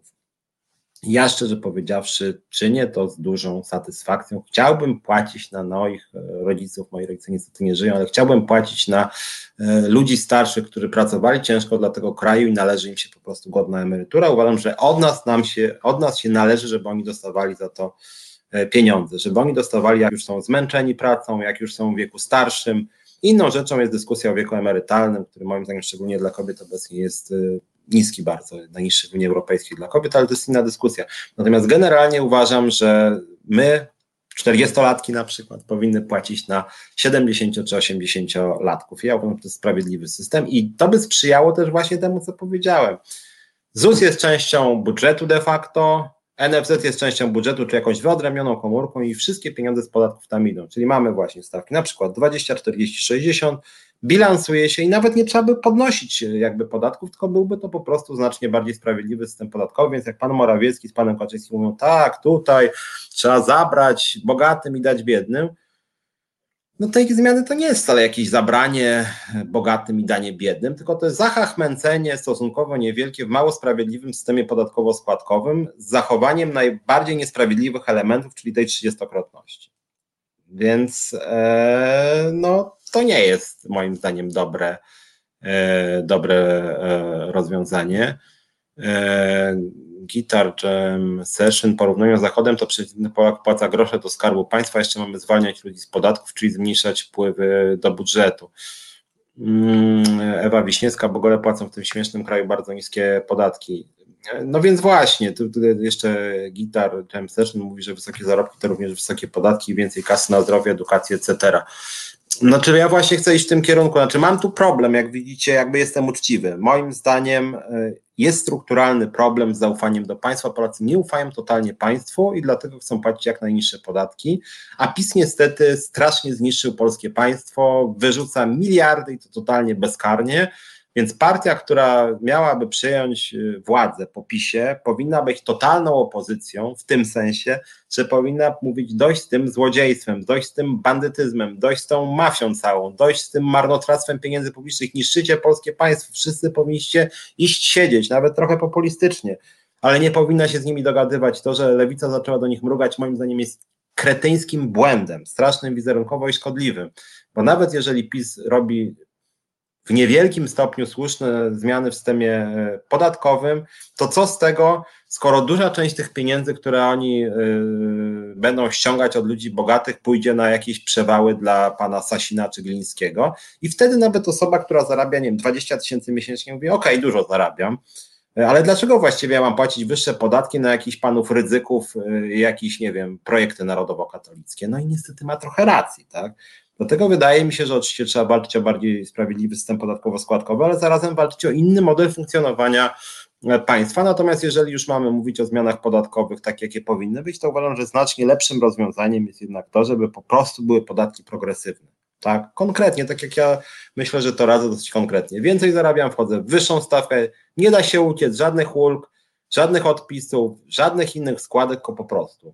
Więcej zarabiam, więcej płacę. I to jest okej okay, moim zdaniem, tak? I, I to, że po prostu w Polsce, jak się ma jakąś lewą firmę, albo jak się jakieś ucieka się na jakąś umowę zlecenie, się zarabia inaczej niż jak się jest na etacie, to są w ogóle jakieś dziwne sztuczki. To jest, to jest demoralizujące, tak? Że ktoś zarabia na etacie 10 tysięcy i płaci zupełnie inną inne podatki niż ktoś, kto ma firmę i zarabia 10 tysięcy, albo ktoś, kto ma umowę o dzieło i płaci i zarabia 10 tysięcy. No, Cóż to ma być, przepraszam bardzo, ci ludzie różnego sortu, tym bardziej, że jeszcze w Polsce ta, to zamienianie umów y, etatowych na śmieciówki już groteskową skalę osiągnęło. Zresztą y, o tym też proponuję, żebyśmy zaraz porozmawiali, jakie powinny być w Polsce y, umowy. Piotr Gielniowski, zgoda, tylko trzeba wymagać od państwa, że jeżeli płacę na służbę zdrowia, to jak mam skierowanie do specjalisty, to nie czekam jakiś trylion lat, tylko mam okres oczekiwania maksimum dwa tygodnie. No i ale o tym ja też mówię, no to przekierowanie państwa na wysokiej jakości usługi publiczne, bo ja też trochę rozumiem tych, którzy mówią, no dobra, zarabiam dużo, y, wy chcecie, żebym płacił wyższe podatki, a teraz tutaj widzę w waszych propozycjach, że ja mam płacić wyższe podatki po to, żebyście ładowali kasę w wasz elektorat. Właściwie dlaczego ja mam ładować kasę w wasz elektorat? Jakby te pieniądze poszły na przyspieszenie wizytu specjalisty, poprawę jakości usług specjalistycznych, no to spoko. Ja wiem, że część ludzi jest bardzo egoistycznych i nawet tak nie myśli, ale z drugiej strony, no rzeczywiście zgadzam się, że to jest problem, że oni ładują e, kasę głównie w siebie. Jest, tu słyszę telefon, ktoś dzwoni? Ale z drugiej strony,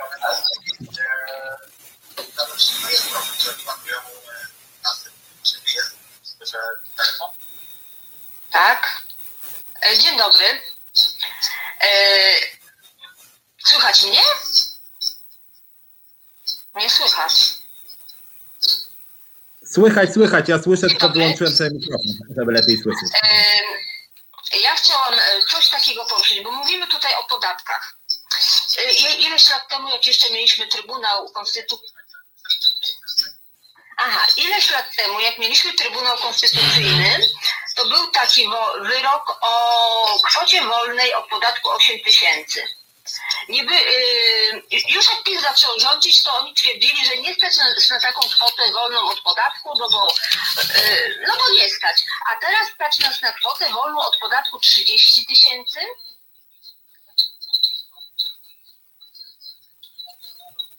Aha.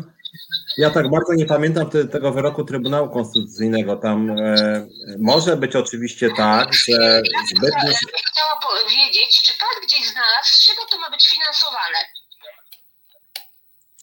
E, okej, okay, znaczy właśnie, właśnie, właśnie o tym staram się, staram się powiedzieć. Generalnie rzecz biorąc, z tych, e, z tych e, pomysłów, które słyszymy od PiSu, słyszymy, że mają być podniesione.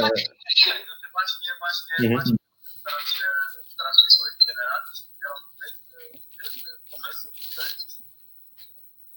Halo. Nie, nie, mówmy, nie mówmy razem. Sły, sły, Ja będę musiała się wyłączyć, bo jest tragedia. Nie można w ogóle e, rozmawiać, jakoś jestem opóźniona. Coś tak, ale zrozumiałem, jakie jest Pani pytanie. E, więc, więc odniosę się do tego, co, co, co, co, co, co pani e, mówiła, co pani pytała, chociaż rzeczywiście tutaj mówią, że, że dobrze było panią słychać. Generalnie PiS to tak sobie wymyślił, że najpierw rzucił pomysł brzmiący dość populistycznie i popularnie, wow, 30 tysięcy kwota wolna. Część się złapała za głowę w tym, ja Jezus Maria, 70 miliardów będziemy w presji, tak jak pani powiedziała, no, Trybunał Konstytucyjny PiS skasował, więc nikt by nic nie powiedział, no ale generalnie tego typu ubytek dla państwa to jest bankructwo państwa po prostu, bardzo niebezpieczne, no, nieodpowiedzialne skrajnie.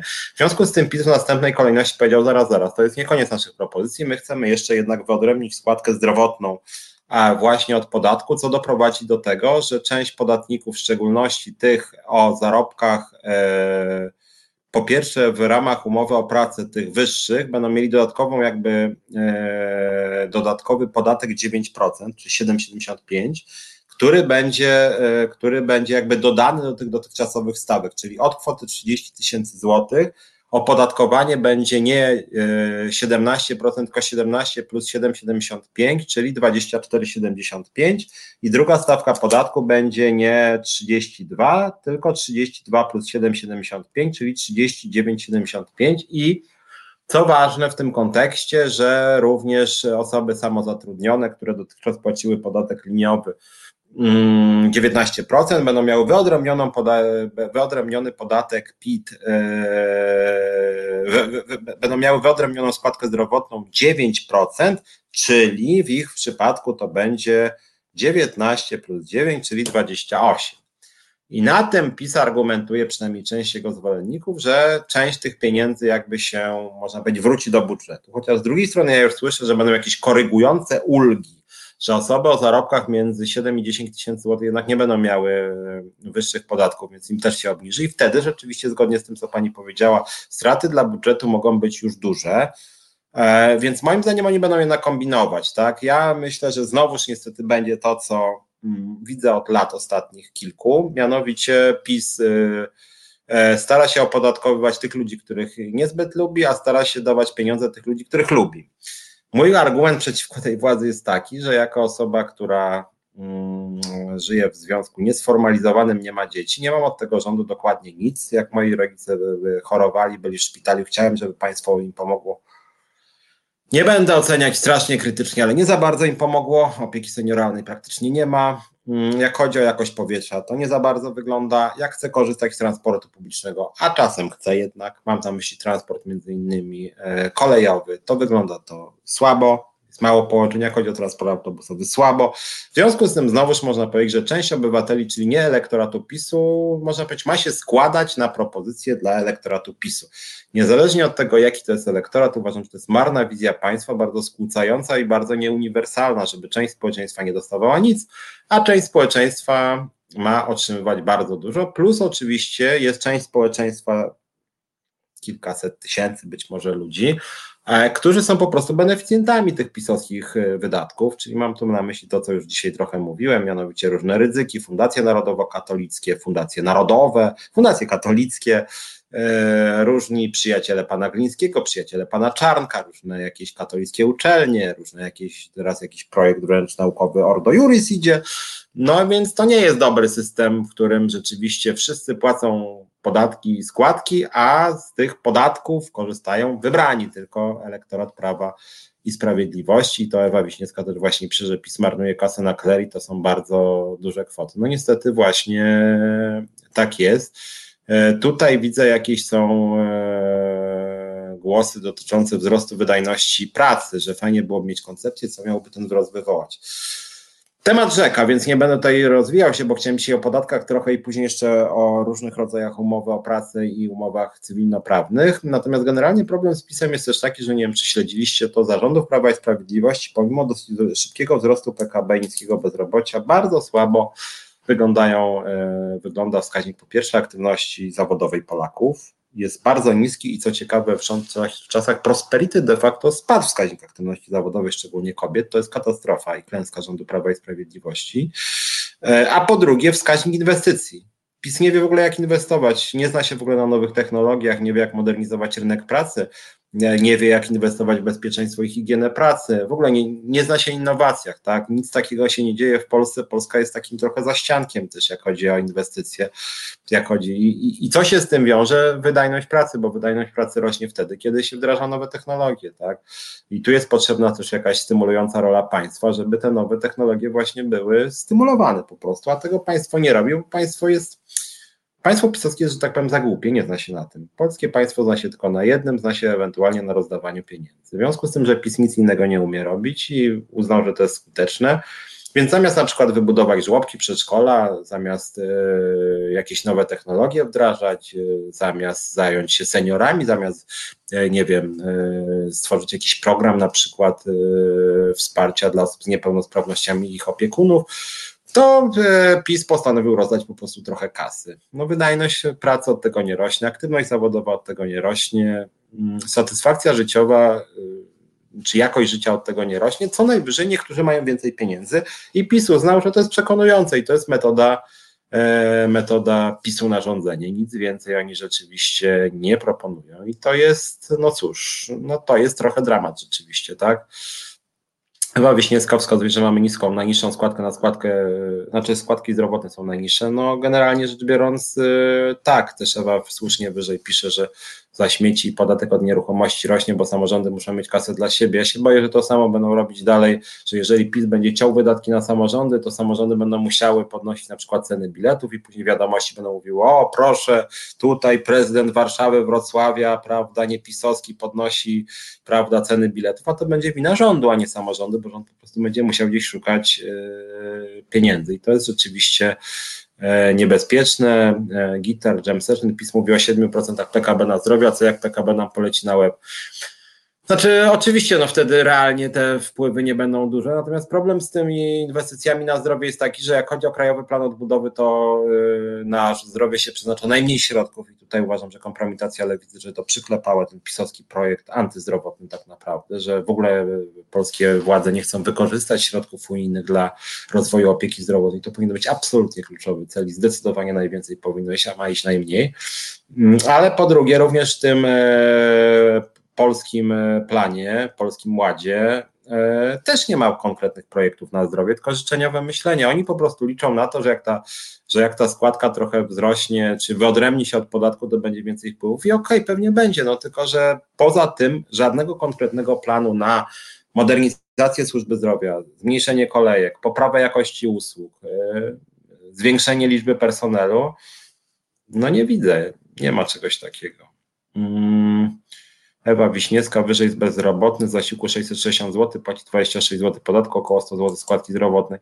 Znaczy ja już mówiłem, nie chcę tu wchodzić e, w jakieś szczegóły dotyczące tego, które, które świadczenie, jakie są podatkowane czy składkowane. Moim zdaniem system powinien być, jak powiedziałem, jednolity, to znaczy to, co mówiłem.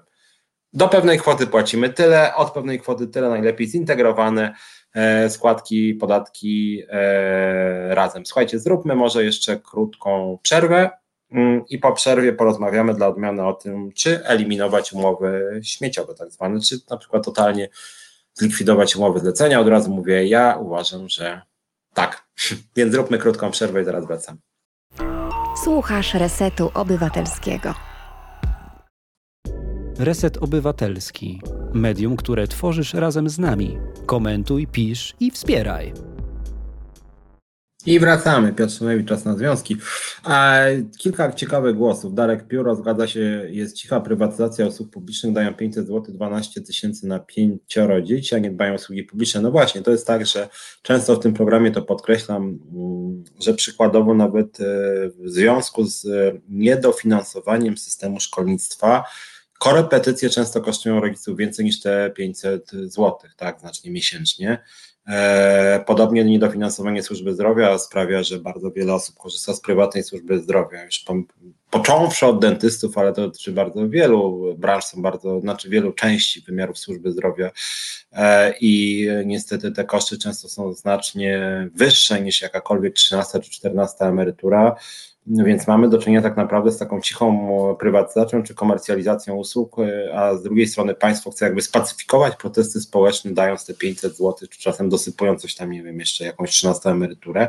Moim zdaniem znacznie lepszym rozwiązaniem by to było zamiast rozdawania pieniędzy, po prostu stworzenie profesjonalnych usług, żeby ludzie nie musieli sami walczyć o dostęp do lekarza i na przykład płacić duże pieniądze, a jedna wizyta u prywatnego lekarza to jest często dwie stówy albo i więcej, a do tego wszelkie zabiegi, operacje, no to już są bardzo duże kwoty, w związku z tym no, tu rzeczywiście to jest bardzo poważny problem i mam wrażenie że zarządów PiSu niestety taka cicha prywatyzacja usług publicznych jak Przedarek Pióro następuje. Waldemar Wysokiński słusznie dwie sprawy tutaj porusza. Po pierwsze Piotrze, dlaczego młodzi mają składkować na osoby starsze? Oni przecież składkowali przez lata pracy, młodzi powinni składkować na siebie na przykład swoje świadczenia.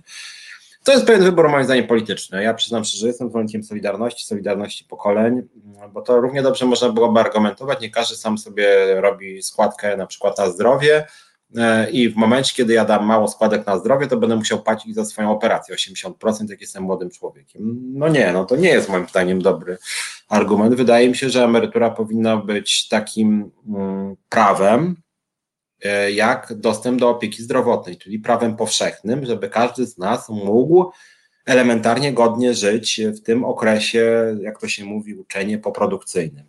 Eee, I tak samo każdy z nas powinien mieć dostęp do usług e, zdrowotnych. No i jak mówię, no również przecież płacę przez całe swoje życie pracownicze, że tak powiem, składki zdrowotnej. Co? To miałoby tak wyglądać, że jak zapłacę 12 składek e, i nie wiem, wysokości łącznie do systemu zdrowia ode mnie przyjdzie 5 tysięcy złotych, to ja mogę mieć operację za 5 tysięcy, a resztę już mam płacić, tak? A jak ktoś płaci 105 tysięcy, to może za 105 tysięcy no nie, uważam, że to jest niesprawiedliwe. Uważam, że też przez wiele lat, powtarzam, było tak, że przez lata właśnie było tak, że to osoby starsze, jak mówimy o osobach starszych, tak, bardziej starszych, to do 99 roku w ogóle mieliśmy system oparty na solidarności pokoleń i w Unii Europejskiej dominuje system oparty na solidarności pokoleń, czyli uznaje się po prostu emerytury za część finansów publicznych. Wszyscy wpłacamy do systemu i wszyscy z niego korzystamy.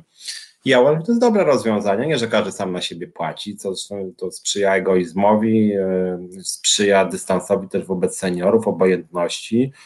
E, natomiast system solidarnościowy sprzyja też takim postawom właśnie solidarności społecznej, solidarności pokoleniowej. Uważam, że to jest dobre rozwiązanie.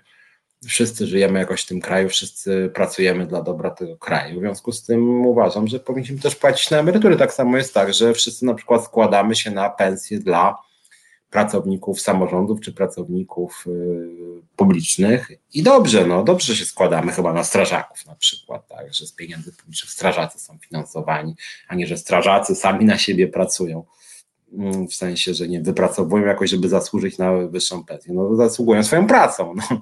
i tak samo uważam, że emeryci już zasłużyli pracą z przeszłości, więc państwo powinno im dawać pieniądze, no. Więc uważam, to jest lepszy system jednak na solidarności mm, pokoleń, też Waldemar, druga uwaga ciekawa, że nowe technologie generują bezrobocie. I tu nie jestem pewien wcale, czy to jest prawda, szczerze powiedziawszy. E, dlatego, że w krajach o najwyższym rozwoju technologicznym poziom bezrobocia jest de facto najniższy, a przynajmniej poziom aktywności zawodowej jest najwyższy. I tu mam na myśli z jednej strony Stany Zjednoczone, a z drugiej strony kraje skandynawskie. We wszystkich rankingach rozwoju technologicznego kraje skandynawskie i Stany są bardzo wysoko, zazwyczaj na czele tam Finlandia była parę lat i tymczasem w Finlandii, Szwecji czy w Stanach wskaźniki aktywności zawodowej są najwyższe na świecie, czyli się okazuje, że nowe technologie nie tylko nie generują bezrobocia czy braku aktywności zawodowej, ale wręcz przeciwnie, prowadzą do pełnego zatrudnienia i bardzo dużej aktywności zawodowej. Okazuje się, że po prostu pojawiają się nowe zawody, w tym związane na przykład z opieką, w tym opieką senioralną, co niestety Polska jest pod tym krajem głęboko zacofanym, bo się tutaj nie inwestuje w tą część um, rynku pracy i to, na to też zwracam uwagę, ale uważam, że nie jest tak, że nowe technologie generują bezrobocie. Co najwyżej nowe technologie prowadzą do tego, że ludzie przechodzą z zawodów nisko wykwalifikowanych do wyżej kwalifikowanych czy do usług publicznych, że na przykład w perspektywie nie wiem, 20 lat pewnie sporo miejsc pracy ubędzie na przykład w handlu detalicznym, tak, że na przykład w części hipermarketu będzie mniej ekspedientek, a więcej kas samoobsługowych, ale to nie znaczy, że bezrobocie będzie rosnąć, bo na przykład pojawi się, mam nadzieję, w Polsce mm, e, nowe miejsca pracy, na przykład w sektorze opieki senioralnej.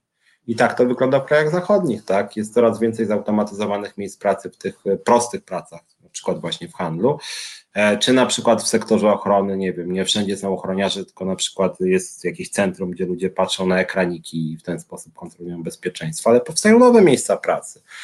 E, głównie to jest, e, głównie to są zawody opiekuńcze, ale też zawody związane z nowymi technologiami, tak, no nie wiem, informatycy, programiści, tego jest bardzo dużo, więc, więc tutaj ja bym się chyba jednak nie bał póki co o to, że będzie właśnie takie technologiczne bezrobocie. Mam wątpliwości. Anna Gryta wprowadza nas e, w nowy temat, który chciałem jeszcze przez te parę naście minut poruszyć, czy parę, przynajmniej na początek. E, uważam, że nie dla mnie, dla wielu osób to wybór nie przymus, mowa o umowach cywilnoprawnych, jednocześnie realna walka z patologią, czyli nadużywaniem umów cywilnoprawnych tam, gdzie powinna być umowa o pracę. No właśnie, i tu chciałem powiedzieć dwa słowa o tej mojej recepcie odnośnie, mm, mówiłem, moja recepta podatkowa, to jak chodzi o receptę na mm, wizję rynku pracy, jakie powinny być rodzaje. I tutaj moim zdaniem powinniśmy równać do góry. Mm, piszę teraz, teraz taki tekst dla krytyki politycznej o tak zwanym kontrakcie. Pojawiła się idea kontraktu w Polskim Ładzie. Ta idea polskiego kontraktu była kilkukrotnie w polskich e, przepisach prawa. Zaczęło się to też w 2015 roku. Platforma to zaprezentowała. Później, co ciekawe, podobne pomysły były w Komisji e, Prawa Pracy pisowskiej. Co ciekawe, PO i PiS tu się akurat trochę zgodzili. O co tam chodziło? Chodziło o to, żeby radykalnie obniżyć, e, radykalnie ograniczyć umowy cywilnoprawne i wprowadzić coś, co się nazywało jednolitym kontraktem. Ten jednolity kontrakt też się pojawia w Polskim Ładzie jako idea, nic więcej nie ma, tylko hasło. E, e, w projekcie Platformy i tej Komisji Prawa Pracy to było rozwiązanie moim zdaniem niebezpieczne, bo co prawda się ograniczało bardzo umowy cywilnoprawne, ale ten jednolity kontrakt, który miał śmieciówki zastąpić, jednocześnie bardzo słabiał etat, tak? bo chodziło o to, żeby się spotkać w pół drodze. Odchodzimy od y, takiej bardzo stabilnej umowy etatowej i odchodzimy też od umów zleceń czy samozatrudnienia, wprowadzamy jednolity kontrakt, którym większość umów właśnie ma być zawierana. Co to znaczy? Ta idea jednolitego kontraktu chodziło w niej o to, żeby um, uprawnienia pracownika narastały wraz ze stażem pracy. Czyli na przykład tam było, że dopiero po trzech latach pracy u jednego pracodawcy przy zwolnieniu e, musi być podawana przyczyna zwolnienia. Wcześniej można podać bez podawania przyczyny. E, dopiero po trzech latach tam było też pewne, że, że narastały prawa związane z urlopem, że narastały kwestie związane z okresem wypowiedzenia, że dopiero po trzech latach ten okres wypowiedzenia jest trzy miesiące.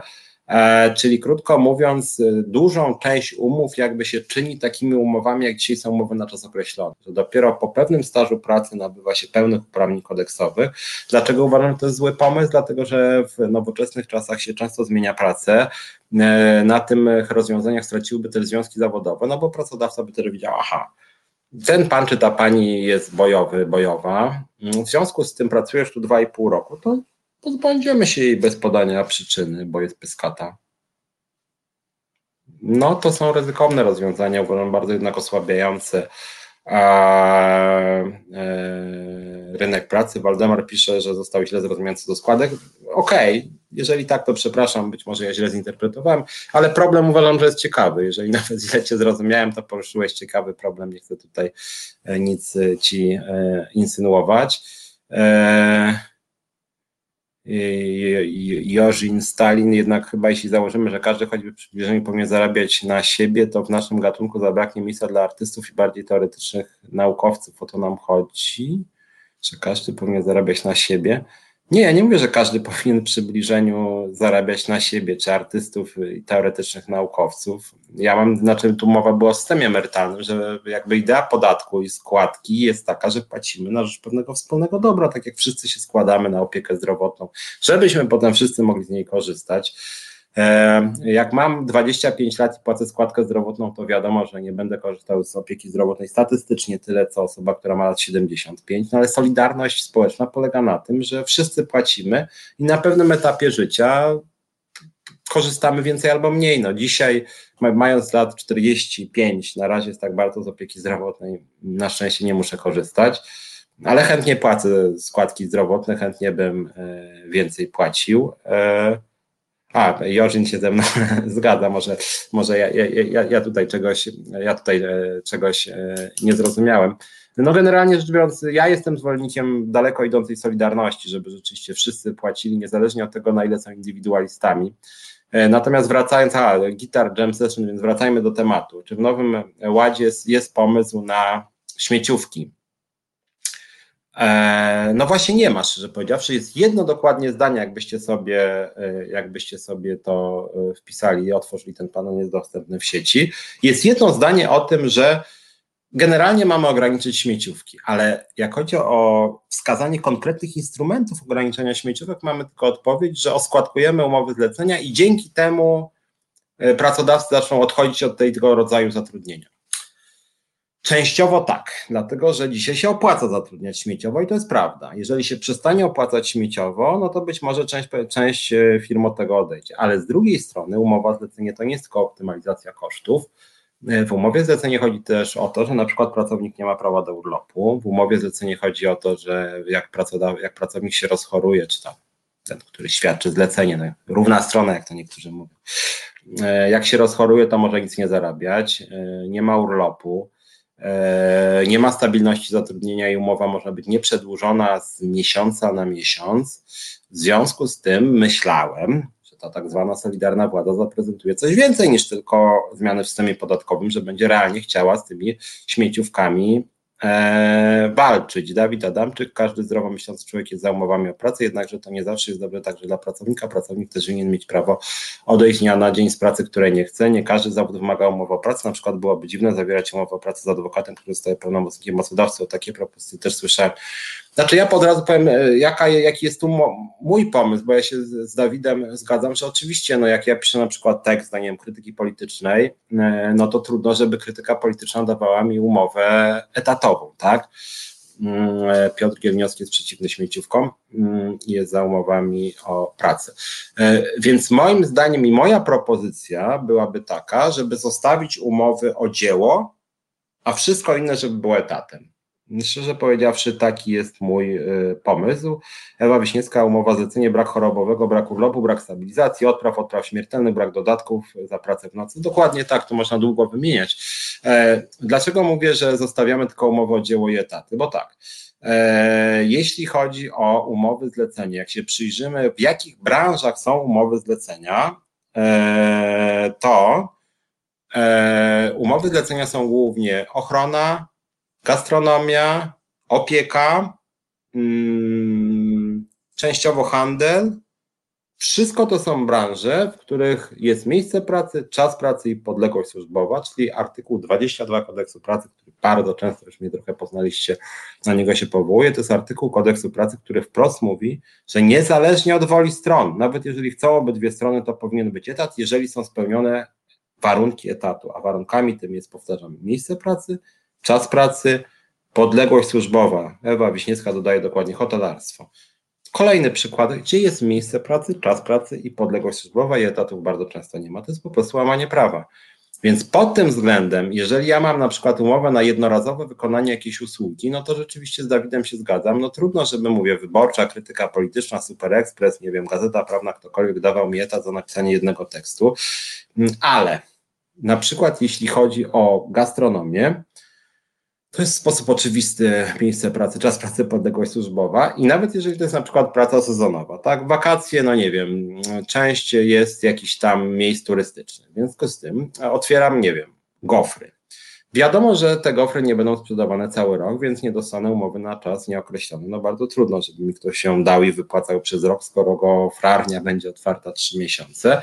W związku z tym moja propozycja jest taka, że jeżeli są te warunki mm, ustawowe, kodeksowe umowy etatowej, to jest coś takiego jak umowa na czas określony.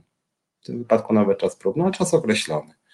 E, wszystkie te rodzaje umów we wszystkich branżach przeze mnie wymienionych przez Ewę Wiśniewską, jeszcze call center dodała słusznie, e, Anna Gryta IT, we wszystkich tych branżach, no w IT jest różnie, bo czasem są pojedyncze projekty, tak jak e, w IT można zrobić projekt graficzny, tak, tak samo okładka, wtedy to jest dzieło. E, no ale generalnie rzecz biorąc, e, w zdecydowanej większości tych zawodów to są klasyczne umowy etatowe, tylko że niekiedy, jeżeli ta praca ma trwać na przykład sezonowo trzy miesiące, to po prostu powinienem podpisywać umowę trzymiesięczną, na czas określony. Tymczasem niestety polskie państwo daje możliwości uciekania od, e, od, od etatów i to na zasadzie jakiejś dziwnej praktyki. No. Ja wam powiem o, ostatniej akcji Związku Zawodowego Związkowa Alternatywa, tego, którego jestem przewodniczącym. My zaczęliśmy skarżyć do ZUS-u kolejne firmy, które e, zatrudniają śmieciowo, a powinny zatrudniać etatowo. Robią to oczywiście, żeby optymalizować koszty.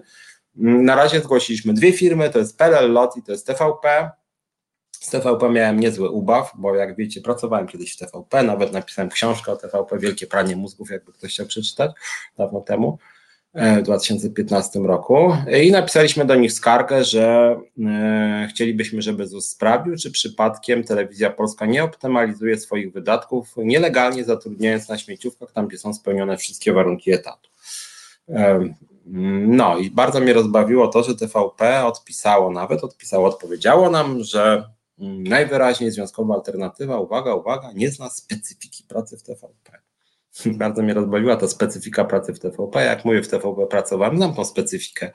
Czyli takie, bym powiedział, podległość służbowa wręcz na granicy mobbingu, a nie kiedy za tą granicą, czyli pokrzykiwanie, dyscyplinowanie, bardzo szybkie wydawanie poleceń, no zdecydowanie wszystkie znamiona etatów bez bardzo wielu pracowników są spełnione i po prostu TVP łamie prawo w sposób bezczelny.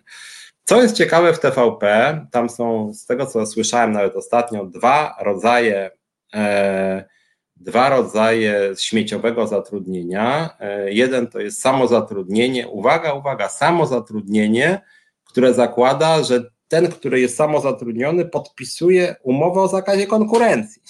Czyli TVP wymusza zakładanie firmy przez e, współpracownika potencjalnego, przez firmę współpracującą, po czym wymusza na tej firmie, że jest jedynym jej partnerem do pracy. No przecież to jest zupełnie absurdalne. Jeżeli jeżeli ktoś jest samozatrudniony, to właściwie powinien mieć wolność w sobie partnerów. Jeżeli TVP wymusza, że jest jedynym partnerem, to to nie jest żadna fi współpraca firma-firma, tylko po prostu no, zlecanie y, zadań konkretnych. No, to jest podległość służbowa. No i, i to jest bardzo dobry przykład takiego E, bezczelnego łamania przepisów. To samo w locie. No przez, w locie przez lata zatrudniono wyłącznie w ramach umów e, o pracę i nagle wszystkich, i nagle nowi pracownicy, którzy robią dokładnie to samo, co ci starzy stewardesy i piloci, nagle mają śmieciówki, ale zapomniałem jeszcze druga, druga forma śmieciówek e, w TVP, mianowicie firmy podwykonawcze, które są na których czele stoją różni znajomi dyrektorów, prezesów TVP, E, dostają pieniądze od TVP według wyliczonych stawek też na pracownika. Te firmy córki TVP płacą pracownikom w ramach umów o dzieło i uwaga, uwaga, pobierają prowizję od każdej umowy w wysokości bodaj 20%, czyli krótko mówiąc jest to jakiś deal między firmami, spółkami, córkami TVP i zarządem TVP, czy jakimiś dyrektorami TVP, w których jeszcze te spółki, córki biorą sobie prowizję ze stawek ustalonych przez zarząd TVP, czy jakichś dyrektorów TVP wobec tych podwykonawców. No, w ogóle coś kompletnie niesamowitego. No, znaczy to się trochę w głowie nie mieści i śmiałem się bardzo, jak TVP w wiadomościach, które też zatrudniają śmieciowo wiadomości same, y, były słowa aprobaty, jak wspaniała wizja prezesa Kaczyńskiego, żeby walczyć z umowami śmieciowymi. Więc panie Kurski, jest pan potwornym hipokrytą po prostu I, i, że wy teraz nagle tak walczyć ze śmieciówkami, to walczcie ze śmieciówkami. Bardzo gorąco was zapraszamy do tego, żebyście walczyli ze śmieciówkami u siebie. E, Dawid Adamczyk, problem z umową o dzieło jest skutek umowy. Umowa o dzieło wymaga wykonania usługi o określonym skutku, na przykład obraz ma być identyczny jak zdjęcie, umowa o dzieło wymaga jedynie należytej staranności. W takim w przypadku zawarcia umowy o dzieło z adwokatem e, wymagającym wygrania sprawy, w przypadku przegranej skutkuje powstanie prawa do odszkodowania dla mocodawcy. Naturalnie to specyficzny branżowy przykład, co zasady powinna być umowa o pracę. Eee, ja zaś nie rozumiem sensu tworzenia dziwnych projektów jak kontrakty z trzyletnim okresem próbnym. W ogóle umowa próbna powinna być tylko jedna na dwa tygodnie, ma to zasady jedynie umowa o pracę. E, zgadzam się, tak. Znaczy, a propos tych prawników, to jest dobry przykład, dlatego że przez lata, nawet chyba jeszcze na początku XXI wieku, wtedy się zaczęły rozlewać umowy zlecenia, i w latach 90., już w czasie polskiego kapitalizmu, prawnik to był bodaj jedyny zawód, gdzie były bardzo rozpowszechnione umowy zlecenia. I rzeczywiście tak było, wtedy był dużo mniej niż dzisiaj tych umów cywilnoprawnych, i faktycznie I faktycznie tak to, tak to wyglądało. Tak Dawid uzupełnił, że zlecenie wymaga należytej staranności. Tak. E, więc, więc rzeczywiście prawnik to jest taki dosyć specyficzny zawód, natomiast co do tych okresów próbnych, e, ja generalnie jestem zwolennikiem w ogóle umów etatowych w obecnym kształcie kodeksowo. Pewien problem widzę w tych krótkich umowach śmieciowych dzisiaj, bardzo niestabilnych. Na przykład teraz wraca handel, wraca, czy wraca gastronomia i totalnie rządzą tam śmieciówki, ludzie się boją tam zatrudnić i mają oczywiście rację. E, natomiast rzeczywiście część gastronomii polega na tym, że właśnie na przykład to jest praca sezonowa, tak? No, dałem przykład gofry otwarte w wakacje, tak? Ja uważam, że tam jednak powinny być etaty, bo to jest w pełni podległość służbowa i zatrudniony tutaj w ramach umów zlecenia, to właśnie nie wiem w jakim trybie, niby dlaczego zlecenie. No nie jest to samo zatrudnienie żadne, jeżeli pracownik jest e, wynajęty do pracy, tak? Więc wydaje mi się, że w takich miejscach jest tu jakieś pole do jakiejś formy właśnie etatu na czas określony, tak? Więc ja też uważam w ogóle, że umowy na czas określony powinny być ograniczone, tym bardziej, że Polska jest obok Hiszpanii krajem, gdzie jest najwięcej umów e, cywilno, e, naj, najwięcej umów na czas określony w Unii Europejskiej obok Hiszpanii tak naprawdę. No i jeszcze na koniec, bo jeszcze mam te dwie minuty, chciałbym jeszcze trzy czy cztery rzeczy powiedzieć. E, ciekawostki na koniec, ciekawostki. Taki może element wprowadźmy sobie do naszego programu. Uwaga, uwaga, e, pan Daniel Obajtek postanowił obejść zakaz handlu w niedzielę i przyłączyć się do, do tych, którzy go omijają, mianowicie, e, mianowicie kolejne sklepy będą placówkami pocztowymi ruchu. Mm, e, ruch, nie wiem czy wiecie, jest kontrolowany przez PKN Orlen i ruch od niedawna jest, uwaga, uwaga, placówką pocztową. W związku z tym Teraz y, pan y, Obajtek, który oczywiście jest wielkim zwolennikiem Boga i rodziny, okazuje się, że jednak będzie ułatwiał omijanie zakazu handlu w niedzielę, więc tak jak mówił pan Piotr Duda, szef Solidarności, niedziela ma być dla Boga i rodziny, ale jak się okazuje, y, nie dla wszystkich, bo w sklepach Orlenu oczywiście w niedzielę można sprzedawać i teraz się jeszcze okazuje, że pan Obajtek będzie pomagał omijać zakaz handlu w niedzielę, więc będzie zakaz, będzie niedziela dla Boga, rodziny i Obajtka. W ramach programu y, Hipokryzja Plus. Tutaj akurat to nie przeszkadza PiSowi. Niby są niedziela dla Boga, ale jak trzeba, to tam trochę zysku można wypracować. E, druga sprawa e, to jest odrzucenie dziś, dzisiaj, odrzucenie wszystkich wniosków opozycji w Sejmie odnośnie informacji na temat Krajowego Planu Odbudowy. No ja niestety mówię, że tu lewica moim zdaniem e, brzydko się zachowała i błędnie. Teraz już widać, jak wygląda ten element negocjacji. Zresztą Komisja Europejska też oceniła krytycznie mm, te mechanizmy kontroli wydatkowania środków.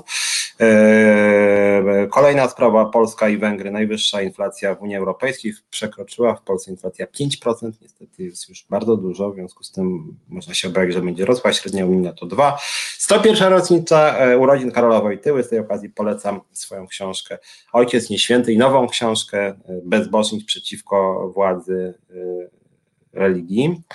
E, no i jeszcze rzecz dosyć zabawna, mianowicie Beata Szydło podobno ma być kandydatką PiS na prezydenta. dosyć zabawne, nie wiem, czy będzie ona jeszcze bardziej fasadową prezydentką niż mm, pan prezydent Duda. Zobaczymy, e, trudno powiedzieć. No i jeszcze ostatnia rzecz, był e, ostatnio dzień przeciwko homofobii, transfobii i bifobii. Ja to bardzo lubię mówić, jako lider związkowy też e, jestem zwolennikiem właśnie walki z dyskryminacją ze względu na orientację seksualną. Przytaczam tutaj artykuł 11 kodeksu pracy o tym, że jakakolwiek dyskryminacja w zatrudnieniu bezpośrednia lub pośrednia jest niedopuszczalna, wymienia się innymi orientację seksualną. Polecam to panom i paniom z Związku Zawodowego NZZ Solidarność. Dobra, musimy kończyć, słuchajcie, więc trzymajcie się, widzimy się i słyszymy za tydzień, za tydzień już zaprosimy sobie gości, ale czasem lubię tak z wami sobie trochę pogadać o tym, co słychać w polskiej policji, w polskiej gospodarce, w polskich podatkach, na polskim rynku pracy. Trzymajcie się, do widzenia, do zobaczenia. Reset Obywatelski. To był program Resetu Obywatelskiego. Subskrybuj nasz kanał na YouTube, obserwuj na Facebooku i Twitterze.